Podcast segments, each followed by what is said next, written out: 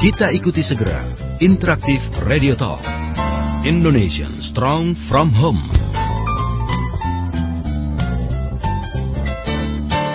Indonesian Strong from Home bersama Ayah Edi, praktisi multiple intelligence dan holistic learning. Selamat mengikuti kembali mengulas banyak hal. Ini banyak sekali sharing yang sudah masuk yang uh, rasanya ini sangat perlu ditanggapi sesegera mungkin seperti itu ya. Karena ada beberapa uh, surat, juga email dan eh, SMS ya, ya ya yang akan kita coba respon. Nah, ya ini sudah hadir nih bersama kita. Apa kabar ya? Baik sekali Mbak Nancy. Luar biasa sekali ya. ya. Selalu bicara soal anak itu sepertinya ada satu energi yang gimana Luar ya? biasa. Luar energi biasa, yang ya? tidak pernah mati. Oh, energi yang tidak pernah, pernah ada habisnya seperti iya. itu. Ya mungkin seperti kasih ibu kan sepanjang jalan begitu iya, ya. Iya, sepanjang masa. Kasih anak kadang sepanjang galah. Gitu. Oh gitu. Sepanjang pendek nih ya. Baik, kita nanti akan coba diskusikan hal ini karena ini ada beberapa sharing yang datang. Sebelumnya terima kasih buat uh, yang sudah mengirimkan ya ya banyak sekali dengan berbagai macam uh, apa namanya tantangan tersendiri begitu yang dihadapi. Ya. Kita langsung saja ke yang pertama ya. Kita akan coba uh, menjawab pertanyaan dari uh, Umi Ali. Oh Umi Ali ya. ya betul.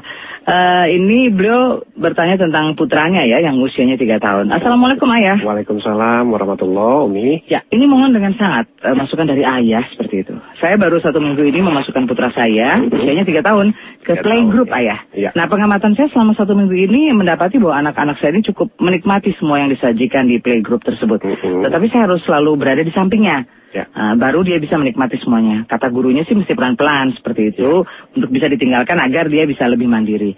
Saya sih setuju ya ya dan hmm. saya praktekkan sih. Tetapi ternyata anak saya malah jerit-jerit gitu oh, di kelas.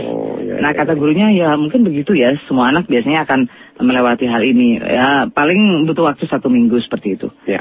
Saya setuju saja untuk uh, tetap mencoba, tetapi ada keraguan begitu karena anak saya ternyata uh, takutnya nanti kok tiba-tiba trauma seperti apa seperti itu. Nah saya butuh dari ayah uh, masukan dari ayah karena ayah kan sudah lebih tahu tentang karakteristik anak-anak. Ya. Nah supaya anak-anak ini tidak trauma dan uh, tujuan saya untuk memasukkan dia ke playgroup ini kan supaya dia juga mudah bersosialisasi. Nah apakah ini sudah tepat supaya dia bisa bermain dan enjoy? Nah tetapi uh, bagaimana dengan uh, kalau saya tinggalkan atau mungkin saya tetap menemani? Nah ini apa yang harus dilakukan ayah? Oh oke okay. ya baik. Kita coba lakukan proses diagnosis ya satu persatu. Jadi ibu melihat atau Umi melihat bahwa pada saat pembelajaran sih oke-oke aja ya anaknya uh, enjoy, senang gitu. Nah, uh, pertama itu menurut pengalaman. Jadi basis saya adalah pengalaman. Biasanya ada uh, faktor pengalaman yang menyebabkan anak seperti ini. Misalnya begini, ada orang tua yang sering memberikan atau membangkitkan rasa takut anak atau overprotective terhadap orang lain. Misalnya, jangan terlalu dekat sama si ini, jangan terlalu dekat sama si hmm. itu. Ada frighten, namanya kidnapping frighten ya. Hmm ketakutan anaknya diculik oh, atau ketakutan okay. ini di itu. Betul. Nah fenomena belakangan juga banyak kan seperti itu ayah. Ya? Betul. Ya? Nah secara tidak sadar kita sering kali menakut-nakuti anak sehingga alam bawah sadarnya setiap menghadapi orang dan jauh dari orang tuanya dia merasa lonely atau sendirian atau uh mhm. -huh. alone ya. Uh -huh. Uh, nah itu faktor itu perlu kita coba selidiki. Kalau memang ada ya tolong uh, diubah gitu bahwa ada orang baik, ada orang jahat itu perlu diajarkan bahwa tidak semua orang lantas jahat semua. Iya, ya, betul, betul.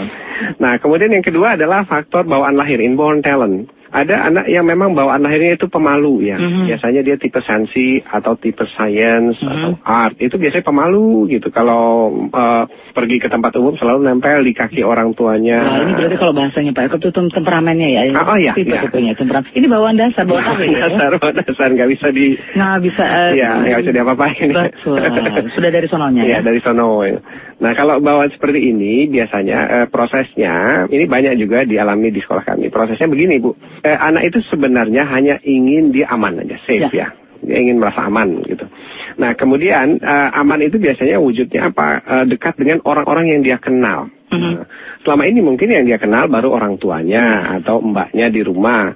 Nah, jadi pada saat kita memperkenalkan orang-orang baru sampai dia merasa nyaman, maka sosok lamanya harus tetap berada di tempat gitu supaya nanti dia merasa nyaman. Ini juga terjadi pada anak saya yang kedua ya. Dia tidak merasa nyaman dengan guru-gurunya di sekolah hmm. gitu ya karena baru kenal kan gitu. Ya, ya. Nah, akhirnya ya kita menemani dulu gitu sampai perlahan-lahan dia merasa nyaman, ya sudah habis gitu nggak ada masalah. Hmm, bisa ditinggalkan ya? Bisa ditinggalkan. Ini hanya masalah nyaman saja. Sama seperti kita juga kan, kalau kenal orang baru, nggak ada pihak ketiga yang memperkenalkan kan kikuk ya. Iya gitu. betul. Kalau orang-orang yang eh, yang katakanlah mungkin memang orangnya eh, cepat akrab sih enak ya ya. Ah, betul, betul. Kalau saya mah harus lihat-lihat dulu. harus dulu gitu. Nah, jadi kira-kira eh, case terbesarnya seperti itu. Nah, pertanyaan berikutnya apa yang harus saya lakukan? Pertama, Umi eh, temani dulu dia di dalam kelas. Uh, kalau misalnya gurunya tidak mengizinkan, kasih penjelasan bahwa hmm. memang uh, teknisnya seperti itu. Temani di dalam kelas. Uh, kemudian yang kedua nanti Umi mojok ya. Jadi dari dalam kelas menjauh pada saat dia mulai nyaman, tapi masih bisa terlihat oleh dia. Kemudian besoknya begitu lagi atau lusanya, kemudian nanti Umi menuju pintu, kemudian berada di pintu tapi bagian luar. Uh, hmm. Jadi di luar ruang, tapi masih tetap terlihat sama si anaknya. Jadi setiap nengok, setiap nengok dia terlihat, setiap nengok terlihat. Terus seperti itu, nah nanti mulai tinggalkan uh, di jam-jam tertentu gitu. Lama-lama pada saat anak ini sudah tidak mencari lagi orang tuanya, ya sudah uh, dia sudah merasa nyaman dengan lingkungan barunya. Hmm. Nah seperti itu biasanya ya uh, masalahnya sudah selesai.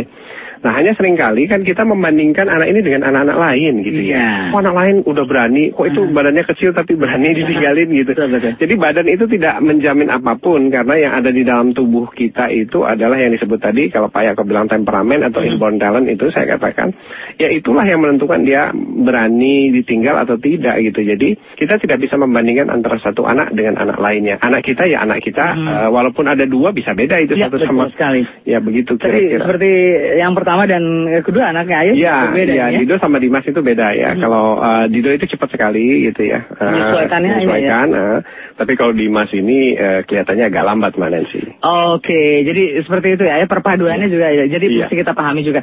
Jadi Ayah untuk Ibu Umi Ali ini uh, beberapa langkah yang harus dilakukan yaitu mungkin harus memahami dulu ya mungkin ya tipe atau temperamen dari anaknya. Iya betul. Setelah itu nanti mungkin dari uh, tempat di samping lalu juga mungkin nanti agak sedikit ya, uh, jauh di, masih di ruangan yang iya, sama ya, sampai uh, di perbatasan lalu mungkin bisa ditinggalkan sendiri. Ya, sampai kalau perlu bisa dada-dada gitu ya. Jadi waktu kita mau meninggalkan okay. dia tahu kita tinggalkan. Kita tinggalkan. Oke. Okay. Nah, ini juga berarti perlu komunikasi dengan sekolah dong, Ayah? Oh, pasti. Ya. Ya, tidak semua sekolah tahu teknik ini, hmm. tapi kalaupun misalnya sekolahnya tidak tahu, kita bisa menyampaikan ya. bahwa ya. uh, ini adalah teknik yang cukup uh, mujarab dan setiap uh, anak itu tidak bisa dibandingkan kepada anak lain dan anak hmm. saya adalah anak saya. Ya uh, ya teknik ini bisa berlaku di semua anak yang mengalami masalah yang sama seperti Betul. Ini. Jadi mungkin kita harus menjawab dulu kebutuhan si anak ya, ya rasa aman tadi itu perlu ya. Oh iya. Perlu iya. Uh, diciptakan sehingga uh, kalaupun toh nanti kita menginginkan dia itu uh, di satu tempat dan bisa bersosialisasi, tetapi uh, pemenuhan hal itu juga harus di ini ya. Iya, manusiawi di, sekali kok anak-anak seperti itu hmm. ya. Kita saja orang dewasa juga masih membutuhkan Betul lah ya, saya aja mesti lihat-lihat dulu gitu ya. Mengamati dulu, jadi bisa nggak nih gitu. Ya. Baru cair ya, Pak. Ya. Menyesuaikan ya. baru. Ya. Tapi kalau udah cair seru, nggak iya. berhenti berhenti maksudnya. Oh gitu. Tapi kita uh, kan berlanjut lagi dengan uh, yang berikut ya, ya. Ada ya. pertanyaan berikut. Mudah-mudahan untuk Ibu Umi Ali uh, sudah bisa menjawab dan ini bisa langsung diaplikasikan dan semoga ini juga bisa jadi solusi yang uh, terbaik begitu ya. Kita lanjut lagi dari Bu Umi Ali kita ke Charles Gunawan. Ada Pak Charles Gunawan ini ayah? Ya. Pak Charles ya. Betul. Ayah apa kabar? Baik sekali Pak Charles. Uh, saya mendengar uh, acara ayah di Smart FM uh, saya sangat terkesan uh, dan ternyata didapati seorang yang luar biasa peduli dengan masa depan anak, lalu juga siap berdiri membela kepentingan keluarga. Waduh, ini juga tidak kalah penting ya, mengembalikan kembali karakter positif ya dari ya. ayah dan bunda itu. Ya, ya peran-peran ya, peran-peran ya. dari ayah dan bunda seperti itu. Nah ini sedikit mengenai saya ayah, saya Charles usianya 29 tahun. Oke. Okay. Saya masih single lah ya. Wow, luar biasa. Uh, saya sangat siap menukar apa yang saya miliki demi kasih sayang seorang ayah. Oh, oke. Okay. Oh, luar biasa nih Pak. Uh, saya merasa tidak memiliki bekal bekal untuk berkeluarga saat ini karena hampir tidak ada yang dapat saya teladani. Hmm. Uh, saya sudah mencoba untuk mencari uh, seseorang di lingkungan luar sebagai teladan, namun sering kali mengecewakan ayah. Ya. Jadi mohon bimbingan ayah nih. Iya. Saya teringat uh, sebuah kisah dulu zamannya Thomas Alva Edison dengan ibunya Nancy Elliot. Bukan Nancy Mokoginta ya? Oh. mungkin anak saya dengan saya. Namanya Edison juga. Jadi uh, dulu Thomas Edison itu kan dikeluarkan dari sekolah karena ya. dianggap tidak mampu bersekolah. Mm -hmm. Nah pada saat Thomas itu dikeluarkan, ibunya bilang nanti kamu belajarnya sama mama saja, nah nanti mama akan buktikan bahwa kamu bukan seperti apa yang mereka bilang, Ya. kamu adalah anak hebat. Nah pada saat eh, dia belajar sama orang tuanya, eh, orang tuanya itu kan eh, bukan seorang pendidik, Mhm. eh, bukan seorang ahli lah gitu kira-kira ya. Jadi kalau ditanya sama anaknya, ya nggak semua juga tahu gitu. Mhm. Eh, jadi selalu kalau misalnya anak tanya ini ini apa sih mama maksudnya ini ini gimana sih cara mengerjakannya nah eh, ibunya selalu bilang eh mama nggak tahu nah itu Mhm. tapi mama bisa bantu kamu untuk menemukan orang yang bisa jawab pertanyaan kamu gitu Betul. Nah mungkin pertanyaannya Small Listener juga akan terjawab dengan beberapa pesan-pesan berikutnya ya. Oh, oke. Ya, kita berikan jawabannya dulu ya. Oke, boleh, Nanti boleh. kita akan lanjutkan lagi Iya. jawaban untuk Charles Gunawan ya. Jangan ke mana-mana, kita akan segera kembali selepas beberapa pesan berikut di Indonesian Strong From Home. Indonesian Strong from Home. Sesaat lagi, segera kembali.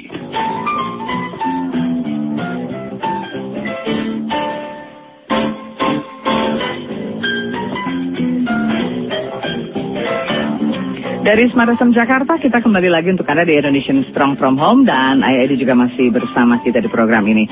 So, let's make Indonesian Strong From Home. Tadi ada pertanyaan dari Pak Charles Gunawan yang belum sempat kita jawab penuh ya, Ayah.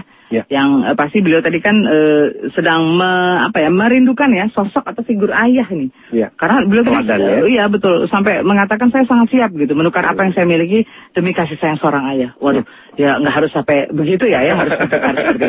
Mudah-mudahan tetap akan menemukan banyak teladan-teladan begitu ya di sekitar. Jadi jangan putus asa kalau sekarang juga belum Iya. menemukan ya ya. Nah kalau seperti eh, Pak Charles ini yang ingin jadi teladan seperti itu dan ingin mencari eh, di luar sosok mungkin keluarga itu aja bagaimana upaya kita untuk tetap bisa mungkin memberikan satu motivasi yang baik pada kita. kembali lagi kita ke ceritanya Thomas Edison tadi Yes. ya. ibunya selalu bilang bahwa eh, mama nggak tahu nak jawabannya tapi mama bisa bantu kamu cari tahu Mhm. sampai satu ketika eh, jawaban itu tidak berhasil ditemukan di mana pun di kota itu di buku apa pun sampai eh, Nancy Elliot sendiri juga kewalahan untuk mencarinya. Nah, apa yang dikatakan dia pada anaknya waktu saat itu? Gimana, Ma? Eh, udah ketemu belum jawabannya? Begini, nak. Mama sudah putar-putar keliling kota, tanya sama semua orang, masuk ke library, nggak ketemu juga jawabannya. Nggak tahu. Nah, mungkin, kata Nancy, kali ini Tuhan ingin kamu nak yang menemukan jawabannya gitu. Itu adalah eh, bekal bagi Thomas Edison pada saat dia melakukan eksperimen untuk menemukan lampu listrik ya. Yes betul. Nah, kembali lagi ke Pak Charles tadi, pada saat kita mencari, mencari, mencari sosok eh, teladan dan sebagainya, nggak bertemu juga, nggak ketemu juga. Seperti di negeri ini misalnya, kita Hmm. mencari, mencari, mencari sosok teladan pemimpin, nggak ketemu juga. Belum ketemu figurnya ya. nah, mungkin bisa jadi pesan Tuhan adalah, kenapa bukan kamu yang menjadi teladan bagi semuanya? Nah, mungkin kita adalah orang-orang yang diamanati. Ya. Mungkin Ya. Pak Charles justru di situ eh, mendapat amanat dari Tuhan. Kenapa tidak kamu? Karena kamu sudah menyediakan diri untuk menukar segala apa pun demi kasih sayang. Nah ini justru seorang ayah. pesannya yang mungkin harus ditangkap oleh Pak Charles ya ya. ya? Ya, kira-kira seperti itu. Kalau kamu sudah mengatakan demikian, kenapa tidak mulai dari kamu sendiri? Mungkin begitu kira-kira Hmm. ya. Jadi segeralah misalnya eh, berkeluarga, kemudian married, dan jadikanlah teladan bagi lingkungan di sekitarmu, Lingkungan keluarga, dan sebagainya. Seperti itu. Toh ini merupakan kepuasan batin dari Pak Charles sendiri. Betul. Jadi jawabannya mungkin bisa dimulai dari Pak Charles ya, ya, ya. Ya. Temukan jawaban itu eh, sosok teladan itu di mana. Nah nanti Ya. eh, untuk bisa dapat lebih konkretnya bisa diskusi ya. Iya. Dengan ayah bisa, dengan siapa pun mungkin orang-orang yang lebih punya eh, pengalaman yang yang bisa kita contoh begitu ya. Betul. Kita teladani ya. Nah, ambil contoh satu adalah kalau kita simak kisahnya Barack Obama ya. Yes. Itu jelas sekali gitu tidak ada teladan bagi dia Mhm. Eh, maka dialah tampil sebagai teladan kan gitu mungkin dia menangkap pesan Tuhan seperti itu dan berani Diterapkan dalam keluarganya ya. persis ya. kira-kira seperti itu Kalau dilihat kan memang eh, Bara kan tidak tidak eh, punya keluarga yang cukup utuh gitu ya. Tetapi Dia tidak mau itu terjadi lagi pada, Pada keluarganya sekarang ya saat ini. Oke, baik Pak Charles Gunawan selamat eh, mendedikasikan diri. Semoga ini bisa jadi satu apa ya satu tujuan yang mulia yang ditemukan Oh, pasti. begitu Ya, ya. ya. Jadi ada kebanggaan tersendiri ya. Iya, di, tinggal apa, kapan mau mulainya ya. Betul. Jangan lupa ntar udah eh, menemukan pasangannya undang-undang saya dan ayah ya. boleh boleh boleh Oke juga Pak Charles. Gunawan, eh, sukses untuk Anda. Best juga juga ya untuk Anda. Kita lanjut lagi ke yang berikut. Nah ini untuk Anda juga yang mungkin ingin diskusi boleh-boleh saja. Seperti biasa kita juga masih tetap buka kesempatan ya ya. Ya. Di email Ayah juga boleh di ayahedi@yahoo.com atau mau komunikasi langsung di komunitas Facebooknya Ayah Edi juga ada. ya tinggal ketik Komunitas Ayah Edi ya. ya Itu langsung di-add gitu ya? Uh, ketik Ayah Edi saja uh -huh. nanti langsung ada. Uh, nanti tinggal uh, request. Di-approve gitu ya? ya. Wah, keren banget. Saya belum nyombak soalnya. Karena saya bukan Facebooker loh. Oh, ketahuan ya. Ketahuan. Oke, okay. kita coba beranjak lagi dengan pertanyaan yang berikut. Nah, ini dari beberapa kasus ini menarik ya untuk didiskusikan karena kita pasti banyak juga belajar sesuatu karena katanya belajar sesuatu itu harus dimulai dari uh, kalau boleh saya mengutip nih ada Frank Herbert mengatakan yeah. ini seorang penulis ya, science fiction novelist. Yeah. Dia bilang the beginning of knowledge is uh, the discovery the, of something we don't understand. Jadi sesuatu yang kita belum ketahui itu bukan berarti kita tidak tahu. Nanti kita akan pahami ketika kita sudah mencobanya ya. Ya betul sesuatu. sekali. Nah kita coba ke yang berikut. Dek Lucy. Dek Lucy. Oh, masih, masih kelas 3 SMA ya. oh iya iya iya. Yang dia malah lagi protes sama saya. Calon ibu ya. Oke. Okay. Uh, Lucy, uh, saya sekarang sudah kelas 3 SMA ya katanya. Oh ya. Sebentar lagi uh, ujian masuk PTN. Uh, uh, saya ingin masuk ke fakultas psikologi, tapi uh -huh. saya takut salah jurusan ya ya. Ya. Saya termasuk tipe orang yang uh, dominan otak kanan, okay. suka nangis, okay. suka menghayal. Okay. Kalau bicara susah untuk berangkat kata-kata yeah. dan uh, tidak suka mengikuti organisasi seperti OSIS dan lain-lain. Okay. Lalu saya juga tidak suka ya dipilih untuk jadi pemimpin di sebuah kelompok. Nilai saya baik di bidang olahraga dan seni karena saya memang sangat menyukai kedua pelajaran tersebut. Yeah. Nah, ketika mengikuti tes IQ yang pertama, uh, cita-cita saya cocoknya di bidang artis, seni, dan arsitek. Tetapi ketika mengikuti tes IQ kedua, ya cita-cita saya tidak cocok tuh ayah dengan bidang artis dan seni. Uh -uh. Tetapi cocoknya di bidang kerja lapangan, kegiatan persuasi, dan kerja praktis. Uh -uh. Nah kira-kira fakultas apa yang cocok untuk tipe orang seperti saya ayah? Uh -uh. Terima kasih ayah jawabannya. Silahkan. Dari Lucy ayah. Ya begini Lucy. Unik ya. Ikut tes dua kali, tes IQ hasilnya bisa... Beda ayah. bisa bertolak belakang gitu ya. Ya itulah sebabnya kenapa uh, dalam pemahaman multiple intelligence kita tidak dianjurkan untuk ikut tes IQ karena tes IQ itu memiliki banyak kelemahan. Mm, okay. Nah, sebagai penggantinya adalah kita gunakan sistem pengamatan atau observasi. Nah, observasi itu jauh lebih valid. Nah, jangka waktunya memang lebih lama ya. Kenapa lebih lama? Karena memang untuk mengobservasi sesuatu itu perlu sebuah waktu tertentu supaya kita bisa melihat trennya. Trennya betul nggak begitu? Uh mm-hmm. -huh. Terus nggak begitu? Nah, oleh karena itu, Lucy, coba kita pinggirkan dulu hasil tes IQ-nya, yang dua-duanya itu nggak usah bikin bingung. Nah, kalau dalam multiple intelligence, caranya adalah dengan mengembalikan ke panggilan jiwa kamu, gitu ya. Uh mm-hmm. -huh. Jadi, tugas uh, Lucy adalah setelah ini ini sebelum memilih jurusan tentunya kan ini yeah. kritis ini kok kelas 3 SMA ini. Uh, sering-seringlah kamu mengunjungi ke pameran-pameran. Ya itu sebagai hmm. alat stimulasi. Jadi lihat pameran apa pun. Setiap ada eksibisi lihat di koran hadir datang perhatikan, tanya. Ini tes measure-nya gitu ya ya? Iya. Tes measure-nya seperti itu? Iya. Kalau ada aktivitas apa misalnya pentas seni kah, hmm. show musik dan sebagainya hadir datang. Nah kemudian kamu catat di situ ada profesi apa saja kan setiap eksibisi itu menampilkan profesi-profesi yang Betul. berbeda kan ya. begitu dari bidang yang berbeda, hmm. orang yang berbeda.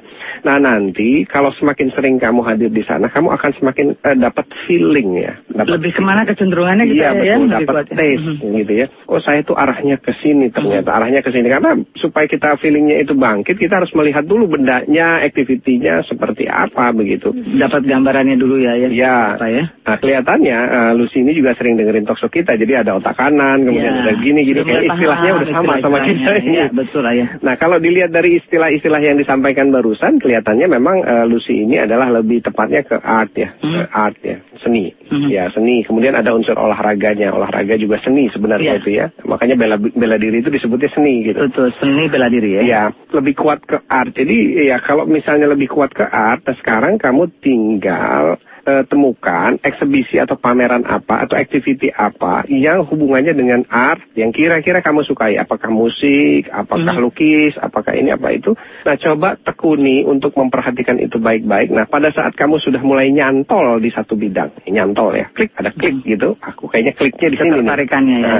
Nah, dalami itu kemudian temukan profesi apa sih yang terbaik. Profesinya apa saja sih kalau misalnya di area lukis misalnya hmm. kan. Lukis itu kan nggak semuanya pelukis. Ada penyelenggara pameran lukisan, ada misalnya bisnis framingnya, bingkai. Jadi kalau kita jabarkan lagi banyak sebenarnya profesi dari dari seni itu ya. Betul sekali. Jadi ya, itu harus detail sekali hmm. profesi apa yang mau diambil. Nah, baru kita nyusun rencana sekolahnya ke mana. Iya. Gitu. Sekolah apa yang menopang ini? Kalau tidak ada sekolahnya, kursusnya. Kalau Hmm. nggak ada kursusnya, kita bisa belajar di mana? Di galeri langsung atau di mana atau di ahlinya langsung. Nah begitu kira-kira Lucy. Jawaban dari ayah ya. Jadi Ya. mungkin kalau toh eh, tadi sudah punya pilihan ke psikologi, ya mungkin perlu dipertimbangkan lagi ya, ya supaya nanti Oh iya. ketika kita mungkin menentukan satu pilihan itu benar-benar dengan eh, antusiasme kita ikut ya. Iya, Kita psikologi. menjalaninya ya. Betul, psikologi itu sebenarnya adalah panggilan jiwa bagi seorang terapis mental. Nah, kita punya nggak kebahagiaan pada saat kita memberikan terapi kepada orang lain? Kita punya nggak kesediaan waktu atau eh, kesabaran Mendengarkan persis, diskusi, ya. betul Saya kira-kira. suka tuh ya. Belum ada yang datang diskusi sama Oh ya. iya, Kasa- mudah-mudahan sebentar lagi Ya, banyak. amin, amin. Terima kasih doanya ya. Ya, jadi kira-kira seperti itu ya, Lus. Eh, jadi jangan eh, apa namanya sampai salah menggunakan Mhm. caranya. Eh, misalnya kata orang psikologi, kata tes ini psikologi. Nah, ada sebenarnya eh, klik di hati kita yang itu tidak tidak akan pernah salah ya. Betul. Kalau kita berani menjalani. Jadi kuncinya adalah kita ketemukan kliknya. Yang Mhm. kedua adalah nyali untuk menjalani. Kalaupun misalnya satu ketika bertentangan dengan keinginan orang tua, saya sih menganjurkan lebih baik orang tuanya disadarkan gitu Hmm. itu daripada kita mengikuti orang tua karena banyak sekali yang anak mengikuti orang tua pada akhirnya mereka tidak bahagia hidup dengan profesi yang dipilihkan itu. Hmm, akhirnya nanti mungkin malah beranjak ke lain gitu ya, ya daripada yang eh, ditekuni sebelumnya. Persis sudah berapa banyak sih orang Indonesia yang nyasar-nyasar gitu ya Betul. kuliah di pertanian masuk perbankan kemudian pindah lagi Aha. ke telco.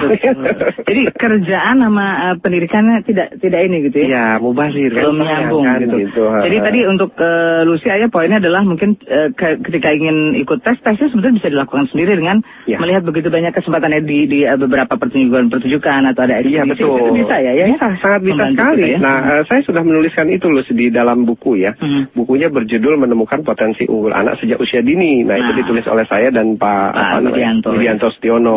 Nah, kamu temukan buku itu, baca. Nah, habis baca eh, di dipahami maknanya, Hmm. harus begitu praktekkan.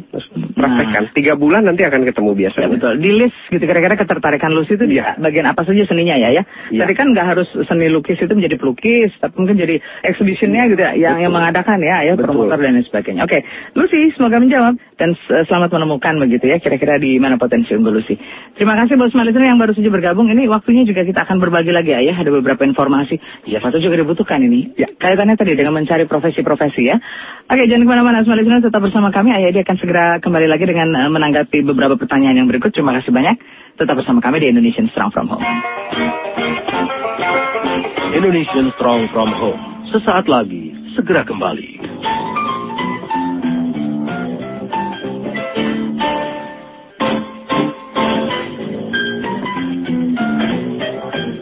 Inspirasi dan motivasi seputar keluarga masih kita ulas bersama Ayah Edi, praktisi pendidikan berbasiskan uh, multiple intelligence dan holistic learning. Nah ini yang paling menarik Ayah ketika saya ketemu banyak yang fans gitu ya sama Ayah dan acaranya. Itu kan, oh, kok disebutnya Ayah Edi gitu ya.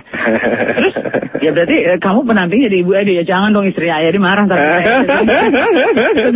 karena Ayah itu bicara soal keluarga, jadi mungkin lebih cocoknya kalau memang Ayah sebutannya Ayah kan. Karena Iya. di, di dalam keluarga kan em, sebutan itu bisa kalau Ayah Bunda, Iya. eh, Ayah Ibu, atau eh, Mama Papa seperti itu ya. ya. Jadi memang lebih lebih eh, lebih apa ya mungkin ear catchingnya lebih enak ya didengar ya Ayah. Iya, terlepas dari itu semua memang kan eh, bangsa Ada nih pasti latar belakangnya ya. Iya, bangsa kita ini kan miskin tentang figur keayahan atau fatherhood Yes. begitu.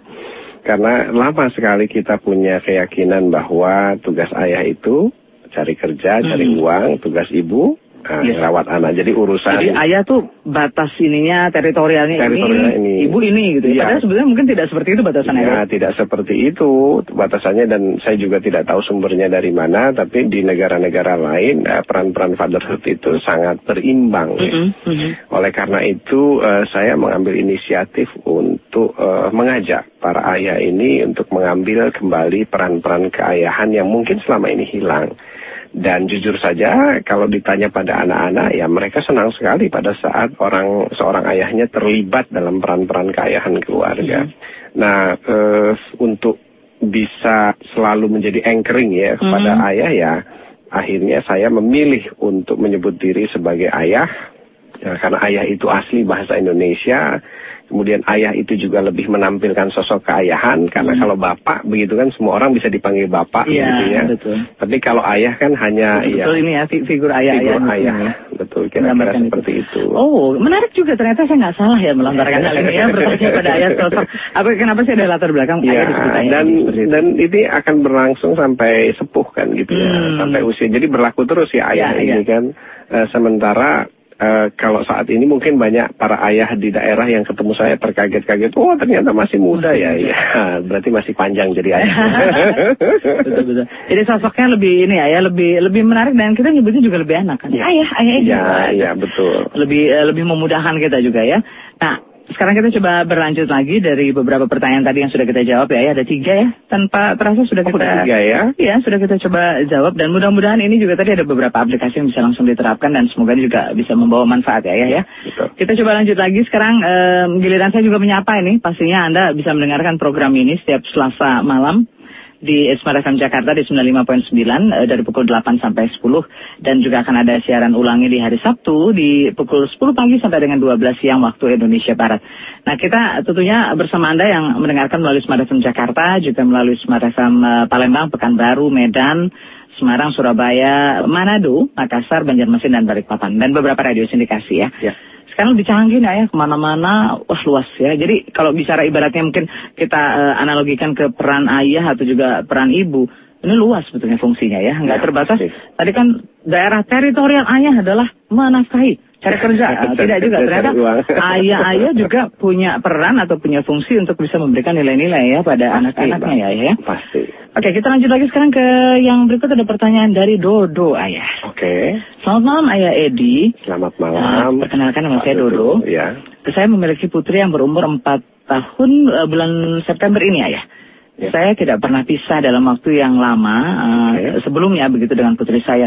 Tetapi mulai bulan Agustus yang lalu saya terpisah dengan putri saya selama dua uh, atau tiga tahun. Oh mungkin ini ya ya, mungkin uh, dapat promosi atau juga sekolah ya barangkali. Biasanya seperti itu. Nah pertanyaan saya adalah uh, bagaimana caranya agar putri saya tidak merasa kehilangan figur ayah? Lalu yang kedua bagaimana menjadikan setiap pertemuan saya itu benar-benar bernilai? Terima kasih Ayah Edi. Baik, uh, kita pertama coba hapuskan dulu rasa bersalah. Mm.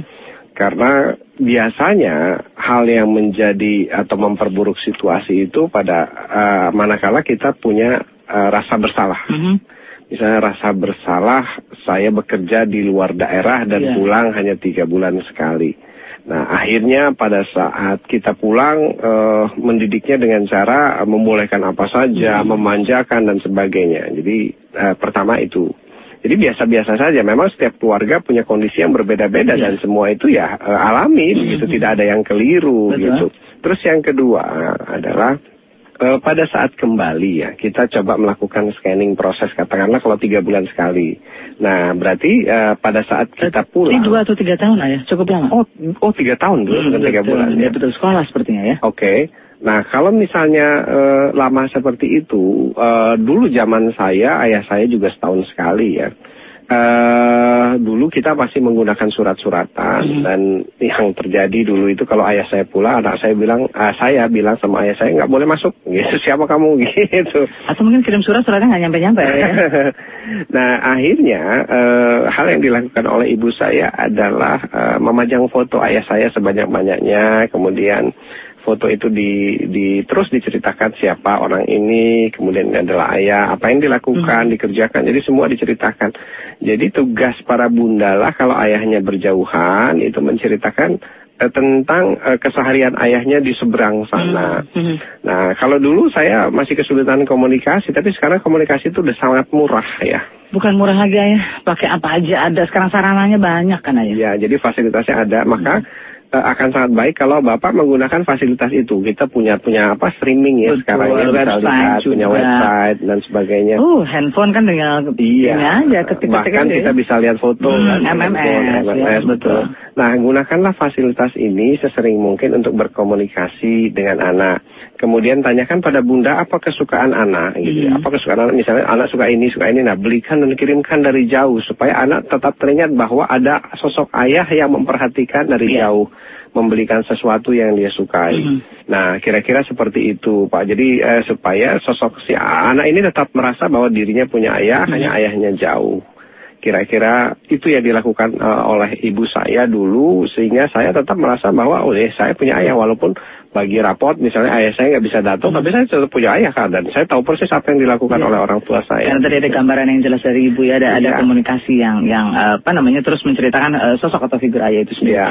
Tapi kalaupun Pak Dodo ini kan punya kesempatan sebelumnya nih ayah ya untuk bersama-sama ya Iya. kan eh, sekarang putrinya sudah memasuki empat tahun ini kan bisa dikomunikasikan sebetulnya. Apakah Iya. ini juga bisa eh, jadi satu sarana begitu buat Pak Dodo untuk memberikan pemahaman walaupun mungkin masih empat tahun nih gitu ya.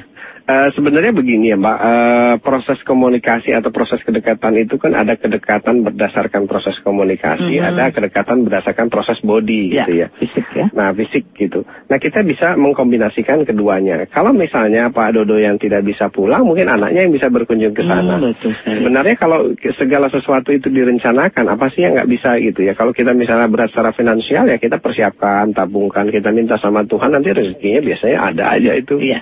Seperti itu. Jadi banyak hal yang kita bisa lakukan. Kuncinya apa? Kuncinya kreatif. Mhm. Kreatif untuk mencari jalan bagaimana kita bisa dekat secara komunikasi. Nah kalau bisa kita bisa dekat secara fisik. Mhm. Kalau kita tidak bisa datang ya anaknya yang berkunjung ke sana gitu. Nah kemudian kalau pas tiga tahun sekali pas datang itu ya harus benar-benar eh, Waktunya waktunya, ya, ya. diinvestasikan untuk bersama anak dan keluarga. Jangan misalnya kebanyakan dari kita sudah lama di luar kemudian begitu pulang ya cari kawan-kawan lamanya dulu waktu di luar. Hmm, iya, banyak curahkan sama teman-teman karena mau sharing gitu ya, ya Iya, kira-kira begitu. Oke, jadi mungkin untuk bisa mendapatkan satu pertemuan yang cukup berkualitas ya, ya, Iya, iya, Eh, benar, bukan hanya ya. sekedar eh, kuantitasnya, tetapi berkualitas ya mungkin dilakukan kegiatan-kegiatan yang dulu pernah dilakukan barangkali se- waktu sebelum berangkat Sebelum berangkat, atau iya. se- sekolah ya, ya. ya? Iya. Mhm. Eh, anak itu biasa menyukai kegiatan-kegiatan yang kita sering anggap remeh-temeh ya. Hmm, misal ya. bermain bersama. Waktu Oke. dia bermain mobil-mobilan, kita ikut bermain Aha. mobilan. Sama di rumah kegiatan favorit anak saya itu adalah main sepeda keliling komplek. Mhm. Nah itu saya temani aja main sepeda. Biasanya saya lari di belakangnya atau saya naik motor di belakangnya atau naik sepedahan bareng. Wah itu mereka senangnya udah bukan main itu. Kunci dari bagaimana kita bisa membahagiakan anak adalah bermain bersama dia. Tidak ada lain. Nah kemudian yang lain juga kalau bapak misalnya ingin lakukan, eh, bapak belajar mendongeng. Wah mendongeng itu adalah sesuatu yang paling dicintai oleh anak. Jadi kalau kita ingin dicintai anak, jadilah pejago pendongeng. Waduh, Iya. berarti orang yang benar harus komunikatif. Tapi tipe-tipe ayahnya pasti beda-beda juga nih. Ya betul. saya sendiri sebenarnya bukan tipe pendongeng karena saya otak kiri kan. Iya, saya. Otak kiri itu biasanya sulit sekali mencari inspirasi-inspirasi. Ha- menghayalnya agak-agak butuh agak berat. Iya gitu betul. ya, betul. Tapi karena tahu efeknya, ini efeknya saya rasakan sendiri. Kenapa efek itu terjadi? Karena eh, dongeng itu kan kita sampaikan menjelang tidur dan menjelang tidur itu adalah saat trans. relax, Ya, gitu saat ya. trans bagi anak dan itu adalah ingatan terakhir sebelum dia tidur. Nah, Ini biasa memorinya akan lebih baik, ini menyerapnya baik ya. Persis. Nah pada saat bangun maka itulah bekal memori untuk bangun ya. Makanya rata-rata anak yang malamnya didongengkan paginya itu happy bangun. Betul, happy itu hanya lagi, ayah kapan didongengin lagi? Iya, Gitu ya. itu tagihan anak saya setiap malam ya.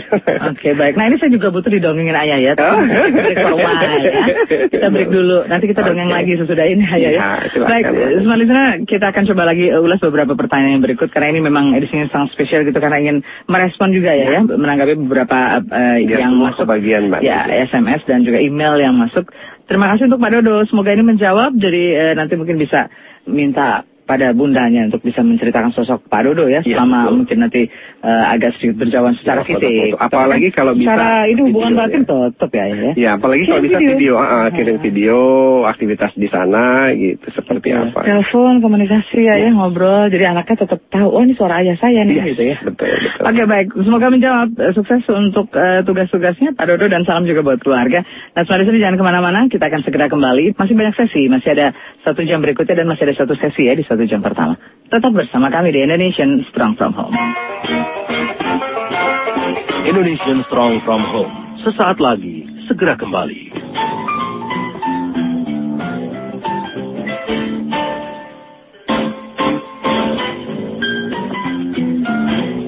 Dari 95.9 Smart FM Jakarta, ya ini kembali untuk Anda di program Indonesian Strong From Home. Mari membangun Indonesia yang kuat melalui keluarga dan melalui anak-anak kita tercinta ya. Katanya ada seorang peneliti yang mengatakan ini ayah ya, uh, beliau bernama Tim Bates. Katanya kita itu kebahagiaan tersendiri uh, dari orang tua adalah bagaimana kita bisa memberikan uh, warisan. Nah, tapi warisan itu berupa apa? Nah ini yang penting ayah ya. Warisan itu kan bisa berupa materi, warisan itu bisa berupa uh, mungkin nilai-nilai dalam keluarga. Nah seperti itu yang yang mungkin akan uh, kita berikan pada anak-anak untuk bisa menjalani kehidupan mereka ke depan. Tetapi mungkin kalau kita bisa memberikan nilai-nilai, uh, menanamkan teladan-teladan uh, yang tepat ini rasanya bukan akan jadi warisan yang lebih berharga begitu ya ketimbang materi ya. Iya, jadi kalau warisan itu sifatnya uang, maka buahnya kalaupun dia berbuah itu menjadi bunga. Hmm. Ya, bunga bank, bunga deposito gitu kata yes, yes, yes, warisannya uang. Tapi kalau warisannya nilai-nilai dalam keluarga, maka buahnya itu adalah peradaban sebuah bangsa. Hmm. Nah, kita ini akan dikenang sebagai manusia itu bukan berdasarkan bunga bank, bukan yes, bukan berdasarkan bunga depositonya, yeah. tapi berdasarkan peradabannya. Mm -hmm. Lihatlah begitu lamanya suku Maya masih kita kenal peradabannya. Ya. Suku Inkanya sudah punah, peradabannya masih kita mm -hmm. kenal. Kemudian peradaban Mesir kuno, peradaban ini, peradaban itu. Masih ada sampai masih sekarang juga ya. Nah, kenapa ini menjadi penting bagi kita mewariskan nilai-nilai supaya nanti kalaupun Indonesia suatu ketika tidak ada, peradabannya masih ada masih, gitu. Peradaban bisa dikenang gitu ya. Bisa dikenang. Mudah-mudahan sih tetap langgang dengan peradaban. Dikenang dengan nilai-nilai positif pasti ya. Kira-kira kira seperti Bukan itu. Bukan dikenang dengan hal-hal yang, waduh yang luar biasa. Gitu. Oke baik kita lanjut lagi ya, ya. Untuk ke kesempatan berikut di sesi yang keempat ini kita punya pertanyaan ya. untuk Pak Agus Budianto ya, ya. Di Karangjati Kabupaten Semarang. Ya. Waduh, beliau ini ayah dari dua orang anak. Oke. Okay. Uh, salam kenal Ayah Edi. Salam kenal Pak. Ayah, saya seorang ayah dari dua orang anak. Anak saya uh, berusia lima tahun, TK besar, dan yang kedua perempuan usianya tujuh bulan. Okay. Saya ini adalah penggemar acara Ayah. Mm. Banyak sekali ilmu tentang fatherhood yang saya peroleh dari Ayah Edi. Yeah. Nah, setidaknya saya mencoba menerapkan apa yang uh, Ayah Edi sampaikan, walaupun sebenarnya saya juga uh, belum berhasil begitu. Masa kecil saya cukup bahagia ya, namun saya merasa uh, kurang dekat dengan ayah saya dan untuk itu ketika saya mempunyai anak, saya berusaha menjadi ayah yang berbeda dari ayah saya yang dulu. Nah beruntunglah saya menemukan acara uh, motivasi dari ayah Edi ya di Indonesian Strong From Home ini sebagai pedoman juga buat saya. Ya. Pada kesempatan ini saya ingin uh, saran dan juga petunjuk dari ayah. Kebetulan anak saya yang TK besar ini uh, tingkah lakunya berbeda apabila dibandingkan ketika dia masih di TK kecil. Terutama masalah pekerjaan rumah ayah. Mm-hmm. Ketika masih TK kecil pada saat malam hari begitu saya instruksikan untuk kerjakan PR, dia langsung mengerjakan dengan senang hati. Namun sekarang ketika sudah di TK besar, ini tidak ya. Dengan berbagai alasan katanya banyaklah argumennya seperti itu, argumen versi anak-anak ayah. Sehingga saya harus marah-marah gitu supaya dia mau mengerjakan uh, PR-nya. Padahal sih sebetulnya dalam hati kecil saya ya, saya tidak ingin terlampau keras uh, terhadap anak saya. Nah pertanyaan saya adalah, apakah dengan marah-marah saya sudah melakukan tindakan yang benar? Kedua, bagaimana cara membujuk anak saya supaya dia mau mengerjakan PR-nya tanpa saya harus marah-marah kepadanya. Dan yang ketiga, bagaimana caranya supaya mengerjakan PR atau belajar bisa dilakukan dengan cara kesadaran yang pastinya dia bahagia begitu. Seperti ketika dia masih di TK kecil ayah. Nah demikian pertanyaan saya. Saran dan petunjuk dari ayah saya nantikan. Terima kasih. Salam fatherhood. Waduh. Salam sendiri nih kayaknya ya. Silahkan ayah. Ya Pak Agus. Begini Pak Agus. Pertama tidak ada masalah itu yang diselesaikan dengan baik kalau kita sedang marah-marah. Uh mhm. -huh. Gitu. Dan tidak ada marah-marah itu bisa menyelesaikan masalah dengan baik. Yang ada menimbulkan masalah baru ya, ayah. Uh, yang sering kita lupa adalah bahwa anak kita itu tidak pernah ditanya kenapa dia nggak mau mengerjakan PR gitu. Yes. Kita adalah polanya selalu instruksi kerjakanlah PR. Nah kita lupa bahwa PR itu sebenarnya sesuai nggak dengan inborn talentnya dia. Hmm. Ambil contoh begini, Nancy kan kelihatan inborn talentnya di broadcasting. Komunikasi gitu ya. Komunikasi. Kemudian tiba-tiba dikasih PR untuk bikin uh, apa namanya? Konstruksi. Ya jelas hanya. Iya. kamu coba Nancy misalnya bosnya bilang kamu bikin desain konstruksi gedung gitu. Gambarnya, tolong digambarkan ini nih alat-alatnya, ini sketsanya, ini ininya dan sebagainya langsung demam saya, nggak masuk Apa ya? kantor. apa yang terjadi kan gitu kira-kira. Nah kemudian kalau nggak selesai besoknya dimarah-marahi. Pastinya. nah ini kan yang sering dilakukan eh, secara tidak sadar oleh orang tua bahwa memaksakan PR-PR yang sebenarnya tidak ramah otak. Saya menyebutnya tidak ramah otak. Kenapa? Karena setiap anak itu otaknya dirancang untuk satu profesi tertentu Mhm. yang benar-benar inline dengan inborn talentnya. Kita sebut inborn talent, bawaan lahir ya. Nah, jadi pada saat kita meminta kerja mengerjakan PR maka ya yang kita coba cek dulu adalah ini PR-PR-nya sebenarnya mengasah inborn talent anak kita atau tidak inline tidak. Iya, Gitu. Kalau tidak inline ya jelas lah dia tidak mau kerjakan berbagai alasan. betul. Terus yang kedua, mestinya kita Pak Agus bersyukur bahwa dengan adanya alasan-alasan tadi anak kita Mhm. otaknya itu bisa terlindungi. Kenapa? Karena dia mulai bekerja, otaknya itu mulai kreatif Mhm. bahwa dia mulai berontak terhadap sesuatu yang tidak ramah otak. Ya. Bayangkan kalau otaknya tidak berontak, berarti ngikut saja. Lama-lama jadi bonsai itu Ya. saraf-sarafnya nggak tumbuh Mbak Nancy Hmm. gitu. Dia akan jadi anak yang follower, bukan tipe pemimpin. Dia otaknya tidak bekerja lagi karena dia hanya mengikuti instruksi demi instruksi. Ada perintah kerjakan nggak ada dia. gitu Iya, ya. nah, Pasif jadinya nanti. Iya, pertanyaannya orang-orang seperti ini jadi apa di kantor? Jadi Eh. bawahan, tengahan, atau atasan? Saya nggak menjawab ya. Jawabannya dicari sendiri. nanti. Ya, kira-kira seperti itu. Oke, jadi marah-marah tidak menyelesaikan Tidak masalah. menyelesaikan tadi masalah. ya. Terus kalau me- misalnya terpaksa ini, dalam Hmm. terpaksa harus dikerjakan. Ini masalah hidup atau mati. Misalnya, misalnya begini ya, Mbak Nancy, ya, inbound talentnya broadcasting, tapi terpaksa harus mengerjakan desain konstruksi. namanya perintah. Perintah, Ya, ya. kalau enggak dikeluarkan misalnya dari kantor. Bukan cuma marah-marah, disuruh Iya. milih gitu ya. Eh, Nah, kalau misalnya terpaksa anak ini harus mengerjakan PR, maka supaya dia merasa nyaman, kita kerjakannya bareng-bareng sambil Hmm. diskusi, jadi terlibat dalam proses dan sebagainya. Jangan hanya meminta, tetapi kita tidak melakukan contoh begitu ya. Iya, seperti itu. Diajakin sambil bermain. Kita terlibat. Nah, kebanyakan para orang tua ini memberikan perintah tanpa ikut terlibat. Just one way. Iya, misalnya minta anak ber, "Eh, kamu main di sana, kamu main di sana di luar ya, di luar gitu. Main, main, main di sana. Oh, gitu. beneran keluar, jauhnya ke mana? Tapi cobalah sekali-sekali bermain bersama anak itu Hmm. akan meriah sekali dan dia akan banyak belajar dari permainan tersebut.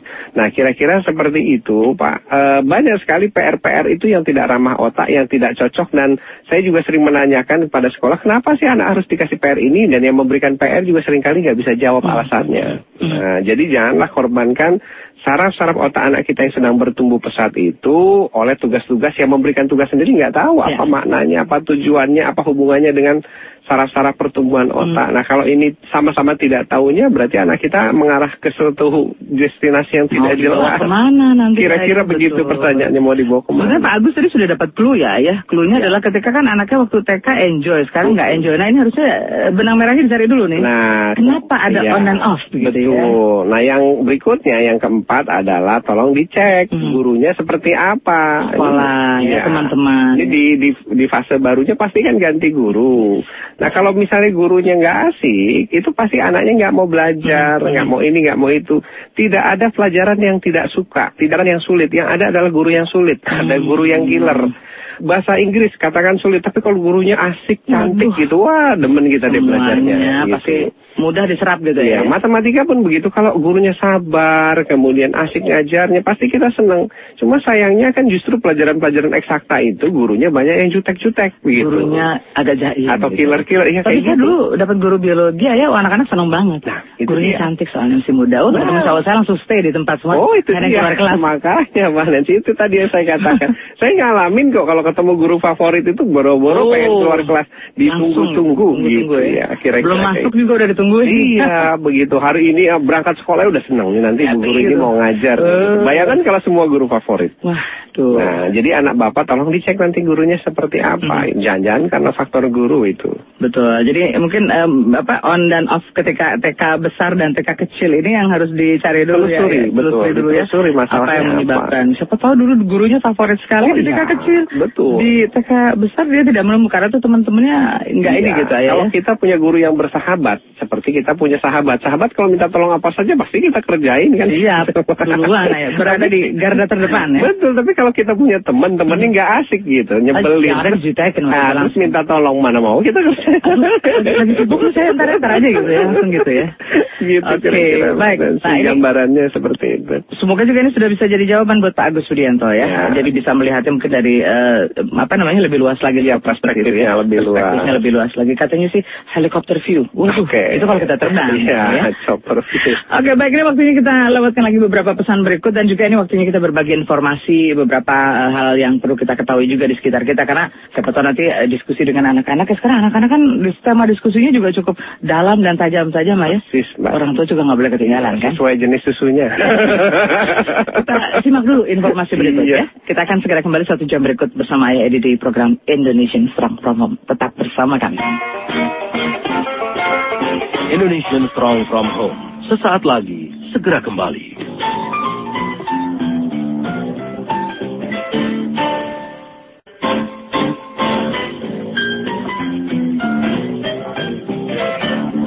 Indonesian Strong From Home kembali lagi untuk Anda. Dan sekarang Ayah Edi sudah kembali akan berbagi lagi dengan Anda. Dan kali ini edisinya spesial. Kita menjawab beberapa pertanyaan yang masuk melalui email dan juga melalui, beberapa SMS ya. Ini biar balance ya Ayah. Jadi Oh, iya. ada tema, ada materi. Jadi ada secara mungkin ilmu kita bagikan. Iya. Tapi sharing dari uh, smart listener atau uh, Ayah dan Ibu yang lain juga perlu kita dengarkan ya. Perlu kita Iya. simak. Karena kan Bahwa belajar email itu... pun tetap dijawab, Betul. SMS pun tetap Karena kan belajar itu justru belajar dari pengalaman-pengalaman yang lain ya. ya. Pastinya begitu. Mbak. Baik, kita lanjut lagi dengan beberapa pertanyaan yang berikut. Kalau tadi kan sudah ada Pak Agus Budianto, juga sudah ada uh, Umi Alia ya, Ya, Pak Charles. Gunawan, dan juga uh, terima kasih tadi untuk uh, Pak Dodo sharingnya. Sekarang kita akan coba sharing dengan pertanyaan dari Pak John Rianto ya. Oh Pak John ya. Yes, betul ayah. Kita coba berbagi lagi dengan beliau dan untuk anda juga yang ingin eh, mendengarkan perbincangannya silahkan saja bisa anda simak sampai pukul 10 nanti atau juga mau sharing tetap boleh. Anda boleh kirimkan pertanyaan anda ke 0812111299. Eh, ayah Edi, saya ingin bertanya cara mengajar anak yang nakal. Waduh. Eh, Setiap hari saya selalu marah pada anak tersebut Oke. eh, sampai dengan mengancam ya agak sedikit Ya, keras. ya, ya, ya. Karena kalau saya bilang hari ini nurut, ya nurutnya hari ini aja ya. Ulang lagi. Nah, secara lunak eh, sudah saya coba, tapi ini nggak diajukan. Ya, Saya jadi bingung menghadapinya. Nah, kadang setelah saya marahi, saya jadi kasihan juga nih ayah. Karena saya sudah marah-marah begitu. Kasihan juga sama diri sendiri ya. Marah-marah capek juga ya. Bisa apa? Ayo mohon petunjuk nih. Terima kasih Pak John Rianto. Eh, Pak John, eh, pertama kita coba bahas tentang nakal ya. Ya. Mudah-mudahan Bapak sudah punya buku 37 kebiasaan ya. Eh, nakal sendiri itu adalah sebuah konteks yang membingungkan. Ya, eh, ambil contoh saja kalau saya bilang, ah Mbak Nancy nakal. Mbak Nancy langsung bingung. Ini apa nakal ini? Gitu. Iya. yang mana kan gitu. Jadi anak itu juga bingung kalau dibilang nakal. Nakal itu yang mana? Apakah yang berdiri di atas kursi? Ya. Apakah yang memecahkan gelas? Aha. Apakah apa? Jadi pertama kalau bisa kalimat nakal itu diperjelas dulu. Konteksnya apa? Satu persatu gitu. Ya. Eh, karena nakal itu sering kali dilekatkan pada eh, kejadian-kejadian yang sifatnya borongan gitu. Hmm. Nah, misalnya memecahkan gelas ini, kamu jangan nakal ya. Jadi si anak itu mencari-cari definisi nakal ini apa, akhirnya dia mencoba-coba. Oh ini nakal, Hmm. oh ini nakal, ini nakal. Akhirnya Nah, banyak mencoba. banyak mencobanya dan kita menerjemahkan dia nggak nurut. Betul. Gitu. Oh, Oh, ini benar-benar nakal. benar-benar Nakal, nakal, ya. nggak nurut. Hmm. Padahal disebabkan karena proses komunikasi kita yang keliru. Misalnya, kalau saya ah, dengan anak saya misalnya tidak mematikan komputer ya saya katakan eh, kamu tidak mematikan komputer jangan nakal gitu misalnya. Terus kalau dia berdiri di atas kursi, kamu jangan berdiri di atas kursi atau turun dari kursi begitu. Hmm. Jadi nggak saya katakan kamu jangan nakal. Jadi dia jelas sekali gitu. Oh konteks ayah yang minta itu adalah yang ini, yang kursi, yang. Jadi dia detail sekali. Nah biasanya kalau anak itu semakin jelas mendapatkan instruksi, jelas mendapatkan eh, apa ekspektasi, dia akan jelas juga melakukan apa yang harus dia lakukan. Law and ordernya pasti gitu ya. ya? Iya betul sekali. Nah tapi kalau ordernya itu agak samar-samar, dia juga bingung. Samar-samar juga dia ya. Yang mana? ya. Nah, terus yang berikutnya adalah sebenarnya proses yang disebut nakal kemungkinan besar itu adalah yang mengganggu, kita Mhm. anggap mengganggu atau tidak sesuai dengan keinginan orang tua. Iya. Nah, belum tentu bahwa keinginan orang tua itu juga benar gitu. Misalnya pada saat anak merusak mainan, Mhm. nah, dia dikatakan nakal. Padahal di balik dia merusak mainan itu ada sebuah proses pertumbuhan saraf otak eksplorasi. Kecuali kalau dia merusaknya sudah berkali-kali di mainan yang sama, begitu misalnya sudah tiga kali remote rusak ya yang keempatnya kita uh, Harus jelaskan. ada ya? Ya, harus kita luruskan, harus kita arahkan. Kenapa? Karena di tiga remote sebelumnya dia sarafnya sudah bertumbuh sangat baik sekali dan tidak hilang gitu. Sebenarnya kan proses merusak mainan itu adalah sebuah keinginan tahu eksplorasi. Ini cara kerjanya kayak gimana sih? Kok Betul. bisa begitu gitu? Karena kan rasa keingin tahuan, uh, nggak usah anak-anak kita aja juga masih begitu ya ya. Betul. Kalau ingin tahu kan pengen cari tahu, wah dicoba-coba lah segala Iya, cara ya. Ya explore. Mhm. Nah, kemudian eh, pada saat kita bicara tentang anak ini kok mengulangi lagi eh, perilakunya, biasanya sebabnya cuma satu, pola permintaan kita tidak jelas. Hmm. Misalnya begini ya, eh, kamu mulai besok ya harus ada jangka waktu, Hmm. ya, atau mulai hari ini eh, tidak boleh memainkan remote Yes. gitu ya harus meletakkan di sini.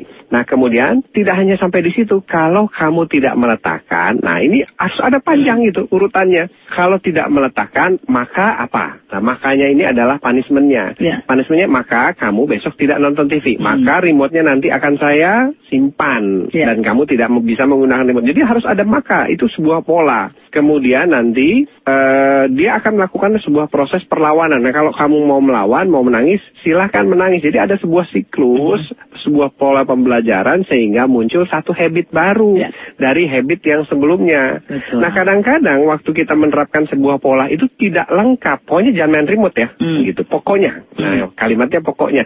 Tapi pada saat dia melakukan itu tidak ada konsekuensi yang disepakati. Nah, kata kuncinya disepakati ya. Yes. Nah, yang ada kalau tidak disepakati adalah berdasarkan emosi saat itu. Kalau kita lagi punya problem saat itu, jadi marahnya kenceng Betul. atau hukumannya berat sekali. Tapi kalau sebenarnya kita dari awal itu sudah melakukan kesepakatan pada anak, besok nggak main sepeda kalau remote rusak misalnya. Ya benar, kesepakatannya main sepeda. Nah, anak saya itu sangat konsisten sekali dengan kesepakatan. Ya. Suatu ketika ada kejadian dia melakukan kesalahan Hmm. tentang komputer, lupa mematikan komputer. Saya katakan dua hari ke depan tidak main komputer. Oke, ya, sepakat ya? Hmm. Ya.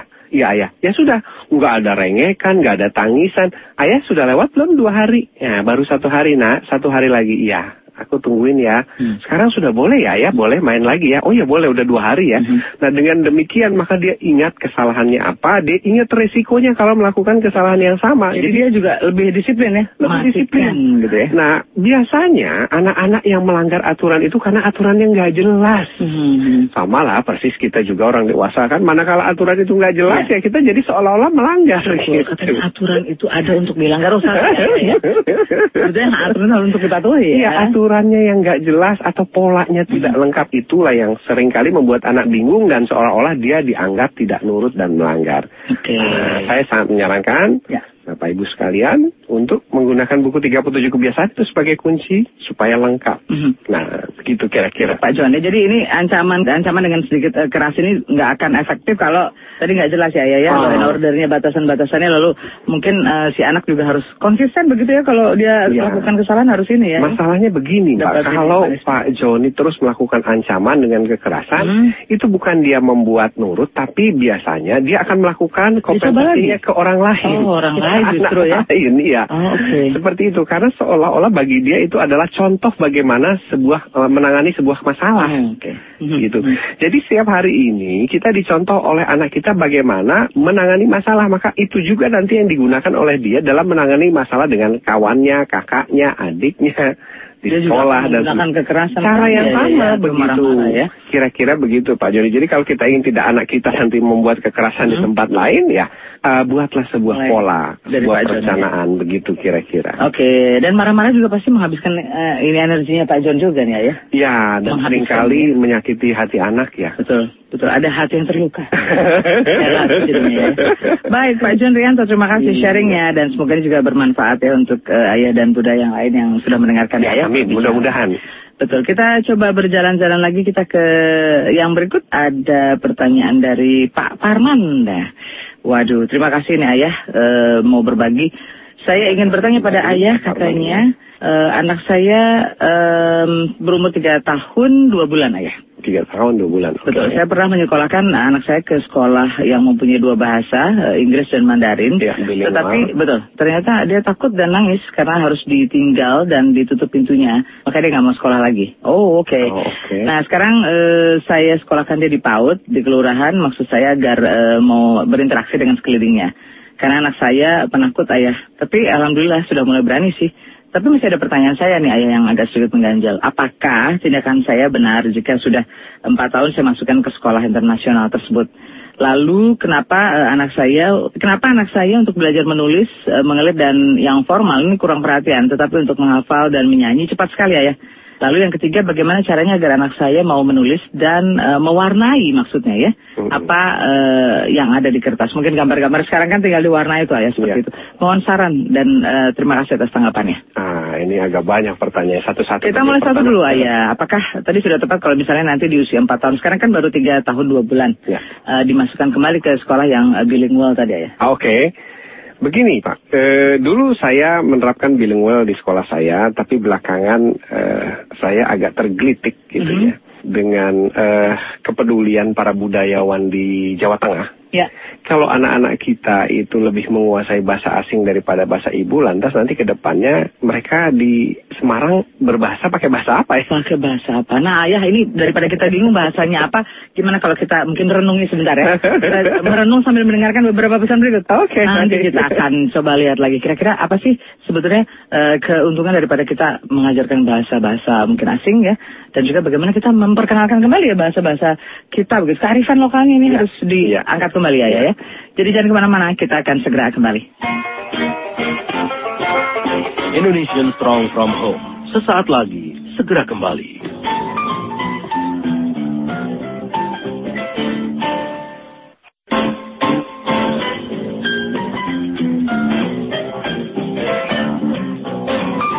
Bicara soal anak, anak adalah sebuah keajaiban sebenarnya karena mereka adalah uh, motivasi buat orang tua ya untuk bagaimana sih sebetulnya mempertahankan hidup ini. Nah, karena mereka ini uh, menjadi sebuah motivasi, justru seharusnya ya ya anak-anak ini um, bisa kita jadikan teman diskusi yang terbaik.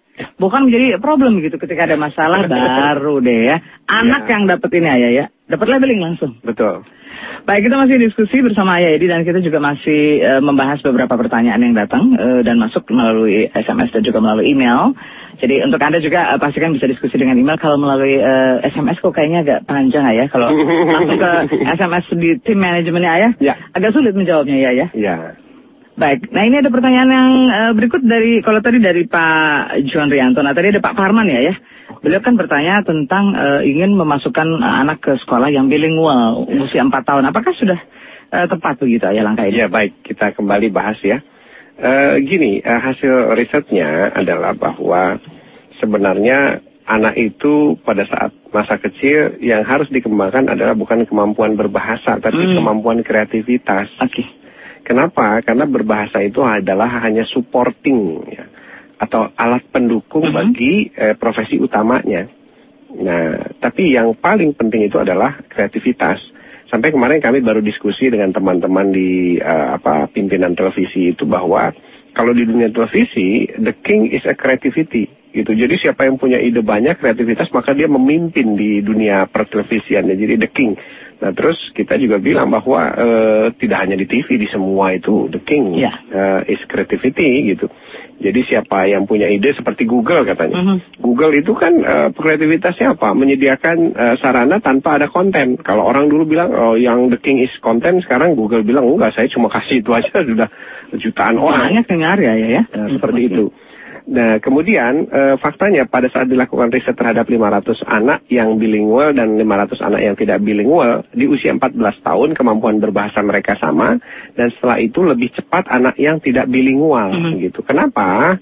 Seperti itu saya juga tidak tahu persis, tapi katanya begini, sebenarnya anak itu baru boleh diajarkan bahasa tambahan, manakala bahasa ibu pertama itu sudah dia kuasai betul. Oke. Okay. Karena sistem otak itu seperti dictionary. Mm. Dia harus ada referensi dasar, baru nanti bahasa lain akan diterjemahkan ke referensi dasar tadi. Nah, baru nanti dia akan berbahasa asing. Biasanya begitu katanya.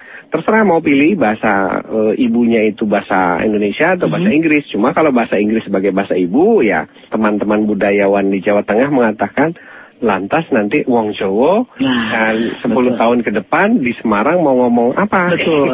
Dulu zaman saya masih sekolah ya saya masih diajarkan itu. eh, eh, ketika itu kan memang sekolahnya sudah di, di Iya. Jawa ya. Heeh. Jadi diajarkan eh, ini menulis ini ya. Eh, apa namanya? Warna caroko gitu ya. Jaroko, ya. Nah, sekarang mungkin udah nggak ada ya, ya, Ya, pelajaran nah itu. ya. kemudian eh, waktu itu juga ada ya acara dengan para budayawan mengatakan bahwa berapa juta atau berapa ribu bahasa nanti di Indonesia yang akan punah. Betul. Jadi kearifan lokal atau budaya-budaya Ya. lokalnya sudah tidak terini Ya, lagi. kita jadi tinggal peradaban masa lalu nanti budaya itu. Jangan sampai ya ya. Padahal Mudah-mudahan. di situlah kita sebetulnya itu Ya. akar itu yang harus di, di ini Nah, kemudian kenapa sih uh, bilingual ini menjadi tren? Karena memang kita globalisasi di mana kita membutuhkan komunikasi dengan Ya. orang asing. Tapi sekali lagi, komunikasi itu adalah alat bantu ya.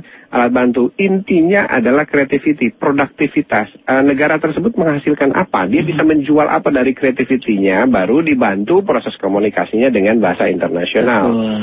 Ambil contoh saja bangsa Jepang. Bangsa Jepang itu tahun 80-an belum ada huruf Latin di Jepang itu. Tahun 80-an baru diperkenalkan huruf Latin itu tahun 80-an. Tapi karena productivity dan creativity-nya tinggi, lihat saja gitu penjualan, produktivitas bangsa Jepang itu tidak kalah dan orang Jepang jarang yang bisa bahasa Inggris. mereka tetap menggunakan ya ya bah- bahasanya dan Bahasanya. kalaupun orangnya expert kan pasti kan akan dicari-cari gitu walaupun bahasanya berbeda. Iya, ya. dan bahkan semboyannya orang Jepang dulu biarlah orang yang belajar bahasa Jepang. Yes, gitu. betul. Dan ada beberapa memang negara juga yang tetap ini ya, ya menggunakan Ya, bahasanya. pasti, ya, orang-orang Prancis, Yes, orang-orang Jerman itu kan berbahasanya terbatas-batas Bahasanya, untuk ya. bahasa Inggris. Mhm. Apalagi mereka sudah menjadi bahasa PBB kan. Nah, jadi sebenarnya boleh, saya tidak melarang, saya tidak anti, anak saya pun saya ajarkan, tapi pada waktunya. Waktunya itu kapan? Manakala dia sudah komplit dengan bahasa ibunya. Seperti itu. Nah, jangan hanya, eh, jangan jadi anak kita itu eh, dididik ya, atau dikelola. Pendidikan ini hanya berdasarkan tren-tren semata. Ya, ya, mengikuti perkembangan zaman, Ya, zaman gitu ya. Atau gengsi ya, gengsi ya. Wah, anak tetangga sebelah udah jago bahasa ini, udah jago bahasa itu. Nah, kenapa? Karena profesi setiap anak bisa berbeda-beda. Berbeda-beda, ya. Kecuali kalau anak ini nanti kelak mau jadi diplomat Hmm. atau jadi sastrawan atau Nah, penerjemah. Ini harus dibekali itu ya. Interpreter bolehlah dia eh, apa berbahasanya Nah, jago. sastrawan berarti kan harus ahli ya. Kalau misalnya Ya. tentang budaya Jawa berarti Jawanya harus ber- berbahasa Jawanya betul. Kira-kira seperti itu, Mbak Nancy. Jadi eh, sekali lagi, kalau hanya pandai berbahasa saja, anak itu hanya eh, pandai berkomunikasi. Nah, kunci sukses anak atau the king is tetap creativity, unsur kedua logik, dan ketiga itu biasanya adalah baru berbahasa. Nah, alangkah indahnya kalau tiga-tiganya punya, tapi jangan sampai lupa yang dikedepankan di lima tahun pertama itu adalah creativity, karena creativity itu umurnya pendek. Lihatlah betapa kita dulu kurang dikembangkan creativity-nya ya, di mana gambar gunungnya sama, semua mataharinya ada di tengah gitu. Ada burung Ya, satu gitu jadi ya. ya. sekarang ini kita kalau punya masalah itu hampir sering kali frustasi. Kenapa? Karena kreativitas kita untuk memecahkan masalah pun Betul. lemah sekali. Karena mungkin eh, melihatnya ya dari sudut pandang yang sama ya ya. Ya. Yang mungkin yang kalau itu negatif ya negatif akhirnya Ya. jadinya semuanya ya. tidak Ya. tidak bisa melihat dari sisi yang berbeda-beda seperti itu ya.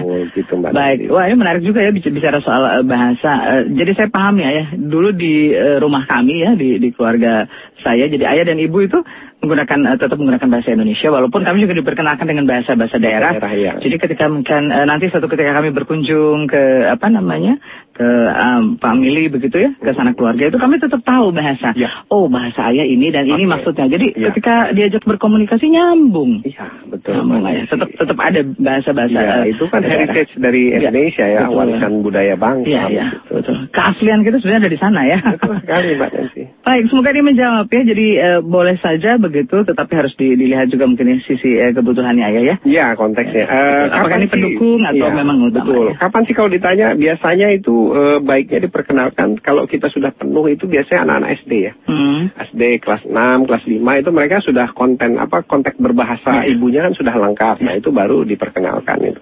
Baik, Pak Parman, semoga menjawab pertanyaan pertamanya. Dan yang kedua tadi pertanyaannya ya. Kan Ya. ini untuk eh, belajar menulis, menggambar, mewarnai, atau yang formal begitu. Ini kan anaknya katanya kurang perhatian. Tetapi ketika menghafal atau juga mungkin menyanyi, wah ini lebih mudah begitu buat anaknya, lebih menyenangkan. Yang pertama, eh, mungkin metode mengajarnya yang tidak sesuai dengan cara otaknya bekerja. Ya. Misalnya metode belajarnya otak kiri, anak otaknya Pak Parman otak kanan. Otak kanan, betul. Nah, itu jelas saja baut sama murnya nggak sinkron. Aha. Nah, yang kedua bisa dijadikan bahwa sebenarnya setiap kelemahan anak kita itu adalah tanda kelebihannya gitu. Pada saat dia menunjukkan lemah di satu sisi, biasanya lawannya tinggi gitu, seperti menyanyi dan Ya. sebagainya. Oleh karena itu, saya berkali-kali mengajak, marilah kita berfokus kepada keunggulan si anak Mhm. atau kekuatan si anak karena orang-orang hebat di dunia ini mereka berprofesi di keunggulannya. Nah, mereka nggak akan jadi pernah jadi hebat kalau dia berprofesi di kelemahannya, Pak. Betul, atau juga mungkin berprofesi tengah-tengah bingung, San. ya, eh, nggak ada yang fokus kita ya. Nggak ada yang fokus. Tengah-tengah semuanya Jadi ya. rata-rata. Rata-rata akhirnya ya. Orang yang punya suara bagus seperti Ute misalnya ya, Hmm. dia pasti akan hebat dan terkenal kalau dia mengambil profesinya sebagai vokalis. yang dia diminati ya.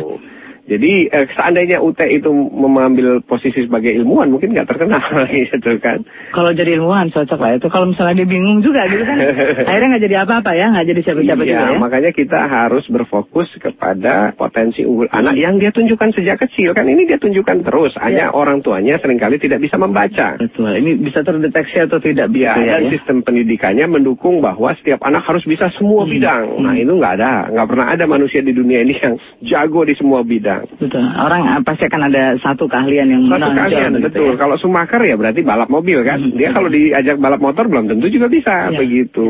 Itulah yang kita Ya mungkin kalau nggak usah jauh-jauh di lingkungan kita saja ya ya ketika ada satu orang yang memang mungkin lebih fokus di bidangnya maka dia akan lebih menonjol daripada yang lain ya nggak akan terlihat begitu ya Pasti, pasti begitu kira-kira Mbak. sudah teruji itu ya. Baik kita eh, nanti akan menjawab lagi masih ada satu pertanyaan tapi eh, rasanya mudah-mudahan waktunya masih cukup ya ya kalau kita jawab sekilas begitu. Nah ayah bagaimana caranya agar anak saya ini mau menulis dan eh, mewarnai begitu. Sekarang kan sudah banyak sarana yang lebih memudahkan begitu. Nah ini untuk bisa mengajak anak atau juga mungkin eh, menggali ketertarikannya terhadap hal ini bagaimana ayah? Baik. Caranya ya. Ini kan kelihatannya eh, supaya anaknya mau memenuhi keinginan orang tuanya. Ya, oke Pak. Eh, ini tidak salah, tapi sebaiknya jangan dengan cara yang memaksa, karena anak kita diciptakan oleh Tuhan dengan keinginan Tuhannya, bukan keinginan orang tuanya. Tapi kalaupun Bapak ingin eh, melakukan ini, maka lakukanlah dengan bermain bersama dia, bermain mewarnai bersama. Kemudian aja dia eh, belikan dia VCD, VCD tentang mewarnai yang sambil bermain, misalnya eh, Barnika, terus ada beberapa VCD lain ya, atau film-film anak yang mewarnai tematiknya, misalnya Blues Clues ya, Blues Clues itu juga mewarnai. Kemudian yang berikutnya adalah eh, mungkin diajak untuk melihat eh, apa namanya kegiatan-kegiatan lomba mewarnai dan sebagainya, Hmm. begitu. Diberikan stimulus ya. ya, Stimulus, diberikan ya. ini Tapi kalaupun dengan semua itu yang kita berikan sambil eh, dia merasa nyaman dan main itu tidak menarik minatnya, ya Mhm. sudah kita katakan bahwa dia tidak di situ minatnya. Itulah kenapa kami melakukan program observasi kepada anak supaya kita tahu persis sejak kecil potensi seorang anak ini di mana dan Mhm. arahnya mau ke mana dan kelak profesinya di bidang apa. Karena banyak sekali di antara kita yang nyasar gitu. Karena dari kecil itu nggak pernah diobservasi kekuatannya di mana. Akhirnya begitu sudah dewasa ya udah yang penting kerja. Hmm. Nah, kalau Ya. sudah yang penting kerja, kita nggak pernah jadi orang yang terbaik tentunya. Betul. Nah kalau yang penting kita istirahat itu boleh ya. Ya Ini bagian dari relaksasi. Setelah Iya, beraktivitas boleh. boleh. break dulu ya. Ya. Jadi jangan ke mana-mana. Kita akan segera kembali selepas beberapa pesan berikut. Masih ada dua sesi. Jadi pastikan kita masih punya sharing yang lain lagi. Apalagi nih setelah ini ada pengalaman-pengalaman dari eh, beberapa eh, ayah dan bunda yang lain. Tetap bersama kami. Indonesian Strong from Home. Sesaat lagi, segera kembali.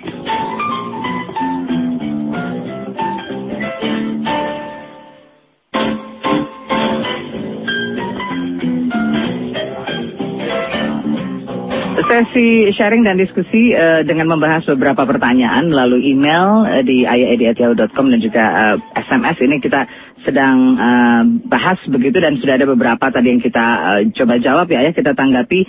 Dan semoga tadi beberapa poin yang juga ayah eh, sharingkan. Ini sebagai tanggapan dari ayah juga ini bisa bermanfaat begitu ya bisa jadi eh, masukan juga buat eh, kita dan buat ayah dan bunda yang lain yang mungkin mengalami hal yang sama tetapi metodenya yang mungkin belum eh, pas seperti itu. Eh, kita lanjut lagi tadi dari Pak Parman sekarang ke pertanyaan berikut. Ini belum saya temukan namanya tetapi eh, beliau ini adalah orang tua ya berusia 43 tahun begitu. Eh, anaknya eh, ada dua dan dia juga sudah membaca dua buah buku ya dari eh, lima buku ayah. Nah katanya pemikiran-pemikiran ayah ini sangat cocok buat beliau. Alhamdulillah. Hanya saja penerapannya saya masih belum mendapatkan cara yang efektif atau masih sulit Eh, karena eh, anak saya yang pertama usianya 14 tahun itu perempuan dan yang kedua laki-laki ini 12 tahun ayah. Ya. Anak saya yang pertama eh, merasa tidak ada masalah sampai sekarang prestasinya lumayan begitu. Eh, cuman untuk yang kedua ini sering timbul masalah. Menurut uh, saya dia itu sangat hiperaktif tapi juga temperamental. Jika kita melarang dan mengatur keinginannya suka ngambek dan marah. Akhir-akhir ini uh, malah sering main game online sampai lupa waktu. Nah perlu ayah Edi ketahui juga anak saya ini sebenarnya cerdas. Daya tangkapnya cepat, hanya wataknya cukup keras dan temperamental.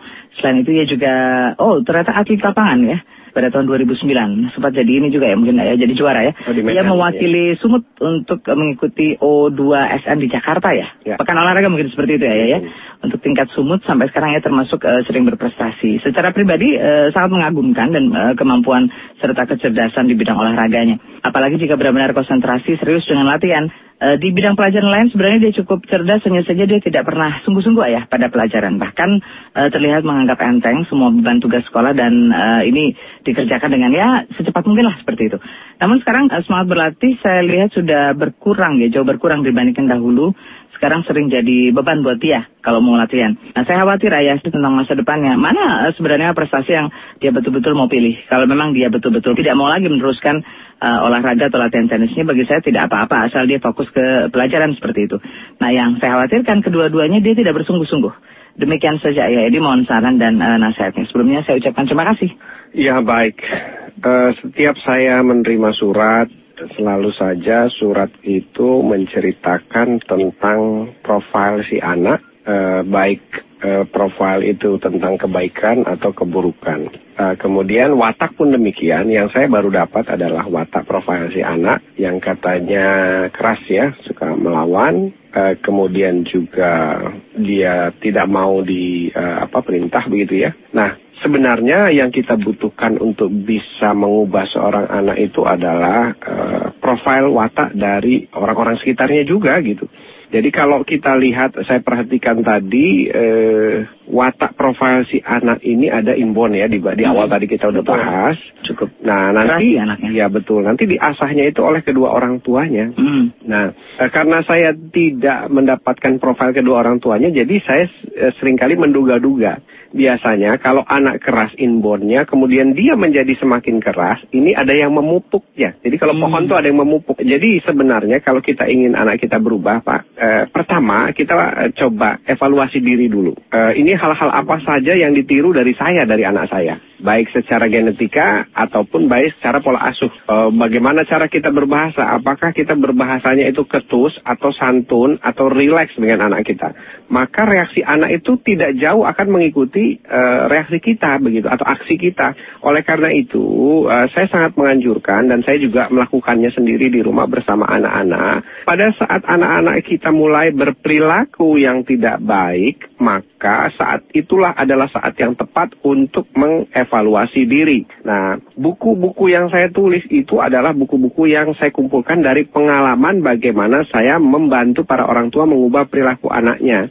Hanya saja faktanya menunjukkan bahwa yang lebih banyak harus diubah itu adalah perilaku dari orang tuanya. Jadi kemampuan berkomunikasi orang tua yang sering kali lebih banyak mengandalkan otoritas dan emosi karena orang tua itu kan otoritasnya besar di rumah ya dengan ancaman-ancaman nggak hmm. kasih uang jajan nggak ini nggak itu nah otoritas itu yes. yang sering kali digunakan bagi anaknya Betul. karena disebabkan karena ketidakmampuan komunikasi kita biasanya begitu nah oleh karena itu pak eh, apa yang saya lakukan di rumah bersama anak saya adalah saya melibatkan anak saya pada saat saya ingin melakukan perubahan. Jadi tidak hanya anak yang saya minta berubah, hmm. tapi saya minta dia mengoreksi saya apa yang dia contoh, apa yang tidak baik menurut dia dari saya. Itu usia anak saya balita ya, yang satu empat tahun, satu lima setengah tahun. Hmm. Itu setiap hari kita berkomunikasi, beberapa kali dia mengoreksi saya, kemudian kita berkoreksi, ya, kemudian setelah itu saya katakan, ayo kita rubah bareng-bareng dan ternyata Pak, ambil contoh saja, anak saya nomor satu itu dulu keras sekali. Jadi bawaan lahirnya mm. keras sekali. Yeah. Uh, sekarang boleh dicek nanti ya, uh, suatu ketika akan saya tampilkan gitu kalau sudah waktunya. Mm -hmm.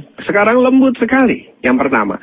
Kemudian sekarang saya dihadapi oleh anak yang kedua, itu lebih keras dari kakaknya. Padahal mm. dulu dia tidak sekeras itu. Saya pikir kakaknya lebih keras, ternyata adiknya jauh lebih keras, memukul, dan sebagainya. Tapi pada saat kita melakukan evaluasi diri dan koreksi Hmm. bareng, sekarang bertahap, bertahap, bertahap adiknya itu mulai lembut, mulai berbicara, mulai ini tidak seperti dulu main marah, main Langsung lempar dan gitu sebagainya. ya. Sekarang mungkin komunikasi dulu. gitu. Betul, sekarang lebih komunikatif. Kalau dulu main lempar, saya katakan oke, inbornnya dia ini, Hmm. gitu. Tapi inborn ini tidak akan saya pupuk, melainkan bersama-sama akan kita ubah, termasuk kebiasaan saya sendiri dalam Hmm. berbicara, dalam berkomunikasi, dalam berjanji, dalam bertutur, nada, pitch-nya dan sebagainya. Itu adalah bagian daripada proses pengasuhan anak. Nah, ini saya jadi teringat ini eh, sang karakter spesialis bilang ya, ya, Ya. bahwa kita itu kan punya tiga ya. Jadi jadi eh, apa namanya behavior begitu ya dari Oke. kita itu kan ada tiga ya.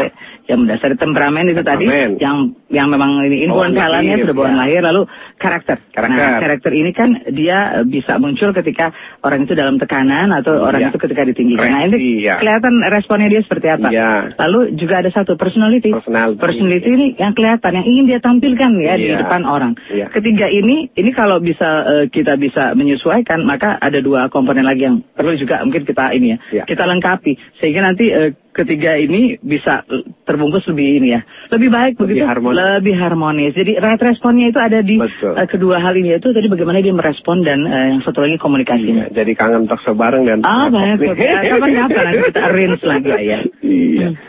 Ya seperti itu kira-kira Mbak Nancy. Jadi eh, marilah saya mengajak kepada diri saya sendiri dan para orang tua, jadikanlah perilaku-perilaku buruk anak yang kita nilai buruk itu sebagai bahan evaluasi diri bagi kita. Jadi waktu mengevaluasinya bareng, yang dievaluasi termasuk ayah juga termasuk bunda ya. Nah, karena bunda dan ayah itu adalah sumber perilaku utama buat anak kita di samping inborn talent tadi bawaannya. Iya. Bawaan lahir yang keras kalau dia tidak diasah selama proses pengasuhan itu tidak jadi keras gitu. Hmm. Jadi jadi lembut mengarahnya seperti itu.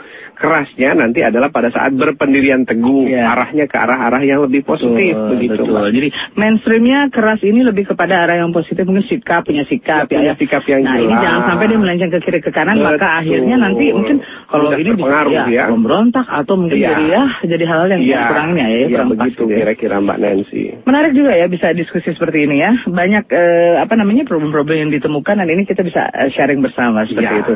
Nah, ayah tadi kan eh, beliau menyampaikan juga ya pertanyaan yang terakhir tadi bahwa anaknya kan berprestasi sebelumnya. Oke. Tetapi sekarang kan sudah mulai menurun dan dia lebih eh, apa ya? Mungkin lebih ke melampiaskannya kepada game online sekarang. Malah Baik. sampai lupa waktu. Nah, itu dia. Eh, ada yang namanya inborn talent. Inborn talent itu terbagi dua ya. Inborn talent watak, inborn talent eh, skill. Ya. Ya. Jadi eh, saya melihat inborn talent skillnya jelas ya ke dunia olahraga. Tapi inborn talent ini waktu diasah itu yang menentukan adalah proses mental. Jadi seorang atlet itu pada saat bertanding dia akan menang atau dia akan kalah itu kalau menurut sang maestro Rudi Hartono Iya.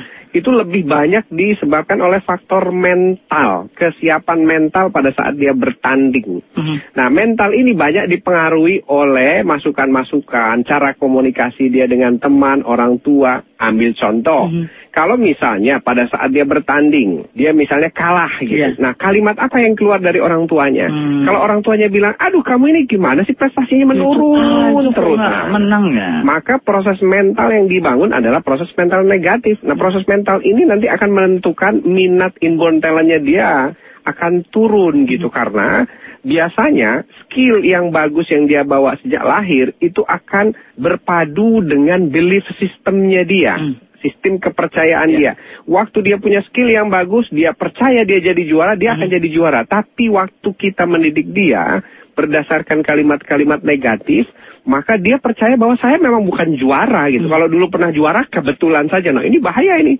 Eh, oleh karena itu, kalau kita perhatikan tim-tim sepak bola dunia, Ya. itu mereka dapat dua pelatihan. Yang pertama itu pelatihan skill di lapangan, yang kedua itu adalah pelatihan imajinasi mental sang juara.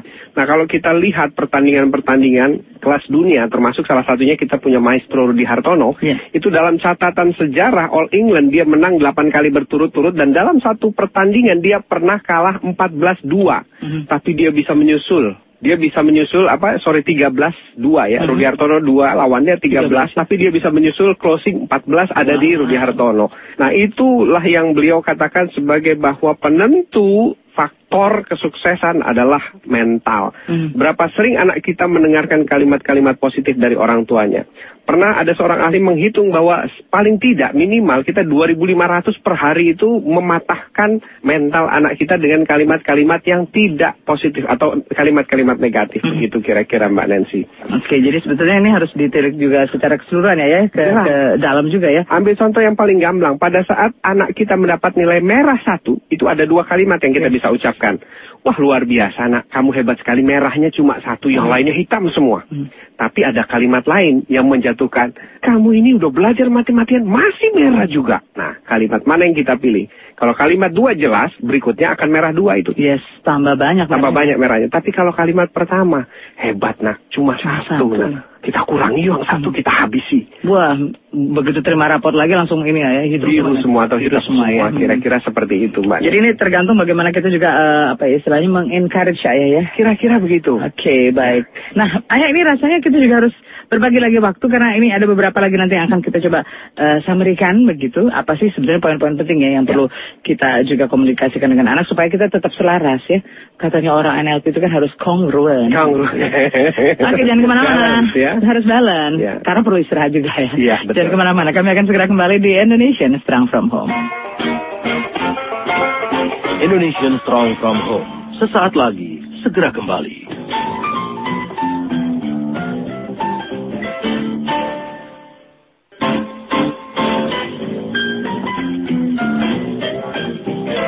Mari membangun Indonesia yang kuat melalui keluarga, khususnya melalui anak-anak kita tercinta. Masih uh, bersama kami Anda di program Indonesian Strong From Home. Tadi ada beberapa sharing yang luar biasa yang juga sudah kita bagikan. Tetapi menarik adalah ketika kita melihat, uh, tadi di, di, di surat yang terakhir ya, ya, uh, di pertanyaan yang terakhir ini bahwa ayahnya kan punya keraguan-raguan.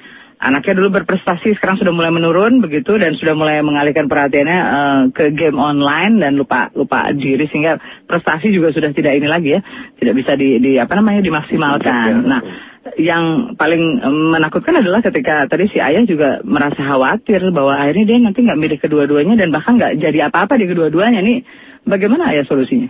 Begini mbak, kita punya yang namanya istilah fun Mhm. dan punya istilah happy, Oke. happiness.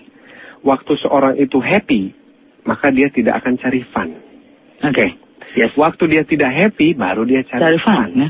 Gitu. Hmm. Itulah yang terjadi kira-kira pada para ayah yang tidak happy di rumah, maka dia cari fun di diskotik, di bar dan sebagainya. Itu cari fun. Mhm. Fun itu eh, harganya cuma sebentar. Waktu dia melakukan, dia fun. Selesai sudah hilang. Ah, hanya Tapi kalau ketika ya. Itu waktu dilakukan terasa sudah jadi kenangan bukan main. Mhm. Jadi tidak hilang. Di situ bedanya happiness.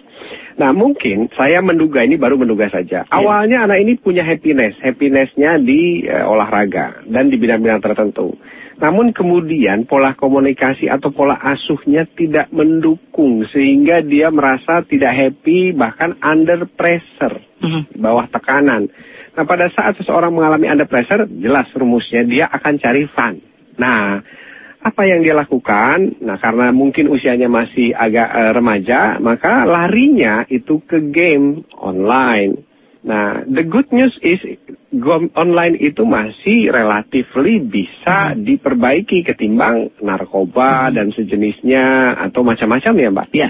Nah, sebenarnya pada saat seorang anak itu mendekati game online, itu adalah sebuah indikator bagi para orang tua untuk melakukan evaluasi diri, juga bagi para sekolah dan guru mengevaluasi diri supaya sistem pembelajaran dan pola asuh itu bukannya membuat anak-anak yang stres, tapi melahirkan anak-anak yang penuh ke happy Yes. atau kebahagiaan, cara belajarnya, prosesnya, apa yang dia pelajari, bagaimana para guru dan orang tua berbicara, Mhm. Empati guru, care guru kan selama ini tidak pernah dibahas care, empati Iya, iya. dan sebagainya. Yang ada murid dipenuhi dengan job, tugas, PR, hukuman, nilai dan Mhm. sebagainya. Sisi lain dari guru dan orang tua tidak pernah disinggung bagaimana supaya peran sentral orang tua dan guru ini bisa memberikan efek positif bagi anak sehingga anak-anak kita tidak lagi tertarik untuk game online. Semua anak-anak yang game online itu kalau eh, saya dulu mulai eh, tahulah Ini semua ada hubungannya dengan pola asuh kita, sistem sekolah kita, bagaimana para guru dan orang tua berkomunikasi. Saya jamin kalau kita menyenangkan dan favorit di mata anak-anak kita, guru-guru kita favorit di mata murid-muridnya, tidak ada yang berusaha untuk melarikan diri dari proses belajar.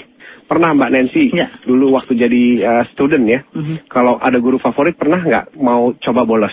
Waduh rugi sekali ya, ya. Pasti banyak yang menarik, apalagi disampaikan dengan hal yang menarik. Oh luar biasa ya, jangan kan bolos. Kalau Yes. bisa dari pagi udah seneng Udah, nunggu. kalau bisa seharian pelajarannya Harian terus, belajar dia gitu terus. ya. Betul. Begitulah kira-kira Mbak Nancy eh, apa inti dari semua permasalahan kita. Yang tadi sudah dihadapi Ayah ya di Ya. pertanyaan yang terakhir. Ya. Ayah kalau kita boleh melihat lagi ya dari beberapa pertanyaan yang tadi masuk, ini kan sebetulnya intinya adalah komunikasi ya. Kalau ada yang kurang harmonis begitu ya, eh, komunikasinya kurang efektif, lalu tadi mungkin ini hanya satu arah begitu, hanya keinginan dari sisi Orang eh, tua. orang tua dan Ya. sementara anak-anak tidak dijawab kebutuhannya, lalu mungkin ada beberapa figur-figur yang juga eh, mungkin tidak ini ya buat anak-anak itu eh, kurang bisa merasakan kedekatan karena mungkin tidak memang tidak diberikan Figur yang tidak sosok figurnya ya. Ah, kehilangan figur, Ya, figur dan yang paling ingin saya garis bawahi adalah bahwa mari kita bangun sebuah kesadaran bahwa anak kita itu bukan sumber masalah. Ya. Dia adalah efek dari kita yang bermasalah. Mhm. Gitu. Jadi kalau kita tidak memperbaiki diri supaya menjadi orang tua yang lebih baik dari hari ke hari, Mhm. jangan harap anak kita akan berubah. Kira-kira seperti itu. Nah ini dari beberapa tadi pertanyaan dan sharing serta diskusi ayah. Apa yang mungkin boleh kita samarikan ya dari beberapa poin tadi. Ada sosok atau figur ada komunikasi ada Ya. eh, keinginan yang hanya satu arah seperti itu. Nah ini supaya akhirnya tidak berlawanan arah gitu ya. Ini Ya. apa yang harus disikapi ayah? Eh, begini, untuk bisa mengetahui ada sesuatu di dalam wajah kita, misalnya ada eh, celak warna hitam Mhm. atau ada cabai menempel di sela-sela gigi Gigi, kita, betul. kita perlu orang lain yang memberitahu atau kita perlu pergi ke cermin. Mhm. Oleh karena itu, jika kita ingin tahu apa kekurangan kita yang membuat pada akhirnya anak kita suka melawan dan sulit diatur, maka datanglah ke cermin. Siapa cermin itu? Cermin itu adalah anak kita sendiri. Jadikanlah dia cermin bagi kita. Setiap kali berperilaku masalah, tanyalah, kenapa kamu kok dulu begini, sekarang jadi begini?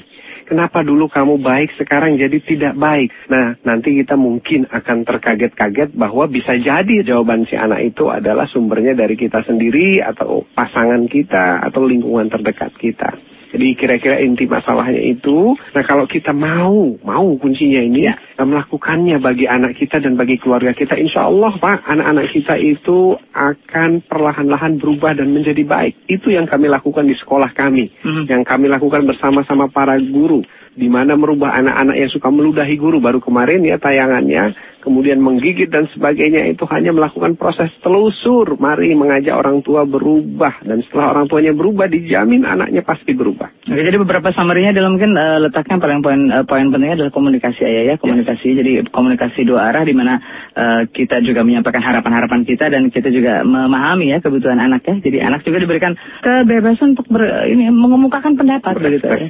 Berekspresi. Seperti itu. Jadi komunikasinya bisa lebih efektif ya. Begitu, Ini menarik ya kalau bicara soal keluarga kayaknya nggak pernah ada habisnya deh.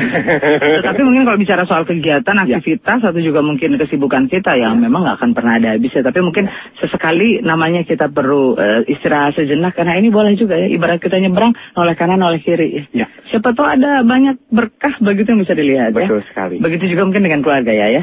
Jadi kita perlu menikmati bagaimana kebersamaan kita dengan anak-anak sehingga nanti mungkin eh, komunikasinya itu atau harmonisasinya bisa lebih terjaga. Seperti lagu yang berikut ini kita mau dengerin lagu Iya, nih ya. lagunya enak Saya sekali. punya persembahan yang berikut ya. Ini lagunya saya coba ambil dari em, beberapa waktu lalu pernah kita tampilkan dan ternyata ini punya eh, makna yang cukup dalam, Dalam, seperti itu bahwa eh, di dalam hidup ini ya kita juga tidak harus eh, sibuk melulu begitu, tidak harus juga eh, dengan diri sendiri, tetapi berhenti sejenak itu ternyata eh, mengasihkan begitu karena berhenti untuk menikmati kebersamaan. Apalagi dengan anak-anak itu akan menjadi satu hal yang yang luar biasa ya. Katanya sekali-sekali boleh dong kita tuh berhenti ya, stop gitu and smell the roses. Jadi boleh dong sekali-sekali berhenti di satu tempat, rasakan begitu bagaimana eh, suasana di sekitar itu ternyata bisa memberikan begitu banyak makna ya. Begitu banyak pencerahan gitu. Ya. Nah, stop and smell the roses bisa jadi satu musik ya. inspirasi tersendiri buat Anda. Ya. Nah, kita simak bersama dan sekaligus ini juga menutup ya jumpa kita mungkin sekaligus eh, boleh minta tipsnya Ayah nih sebelum ditutup. Ya, dengarkanlah lagu ini tips saya karena lagu ini penuh makna. Coba coba dengarkan betul-betul syairnya, uh, sangat inspirasi.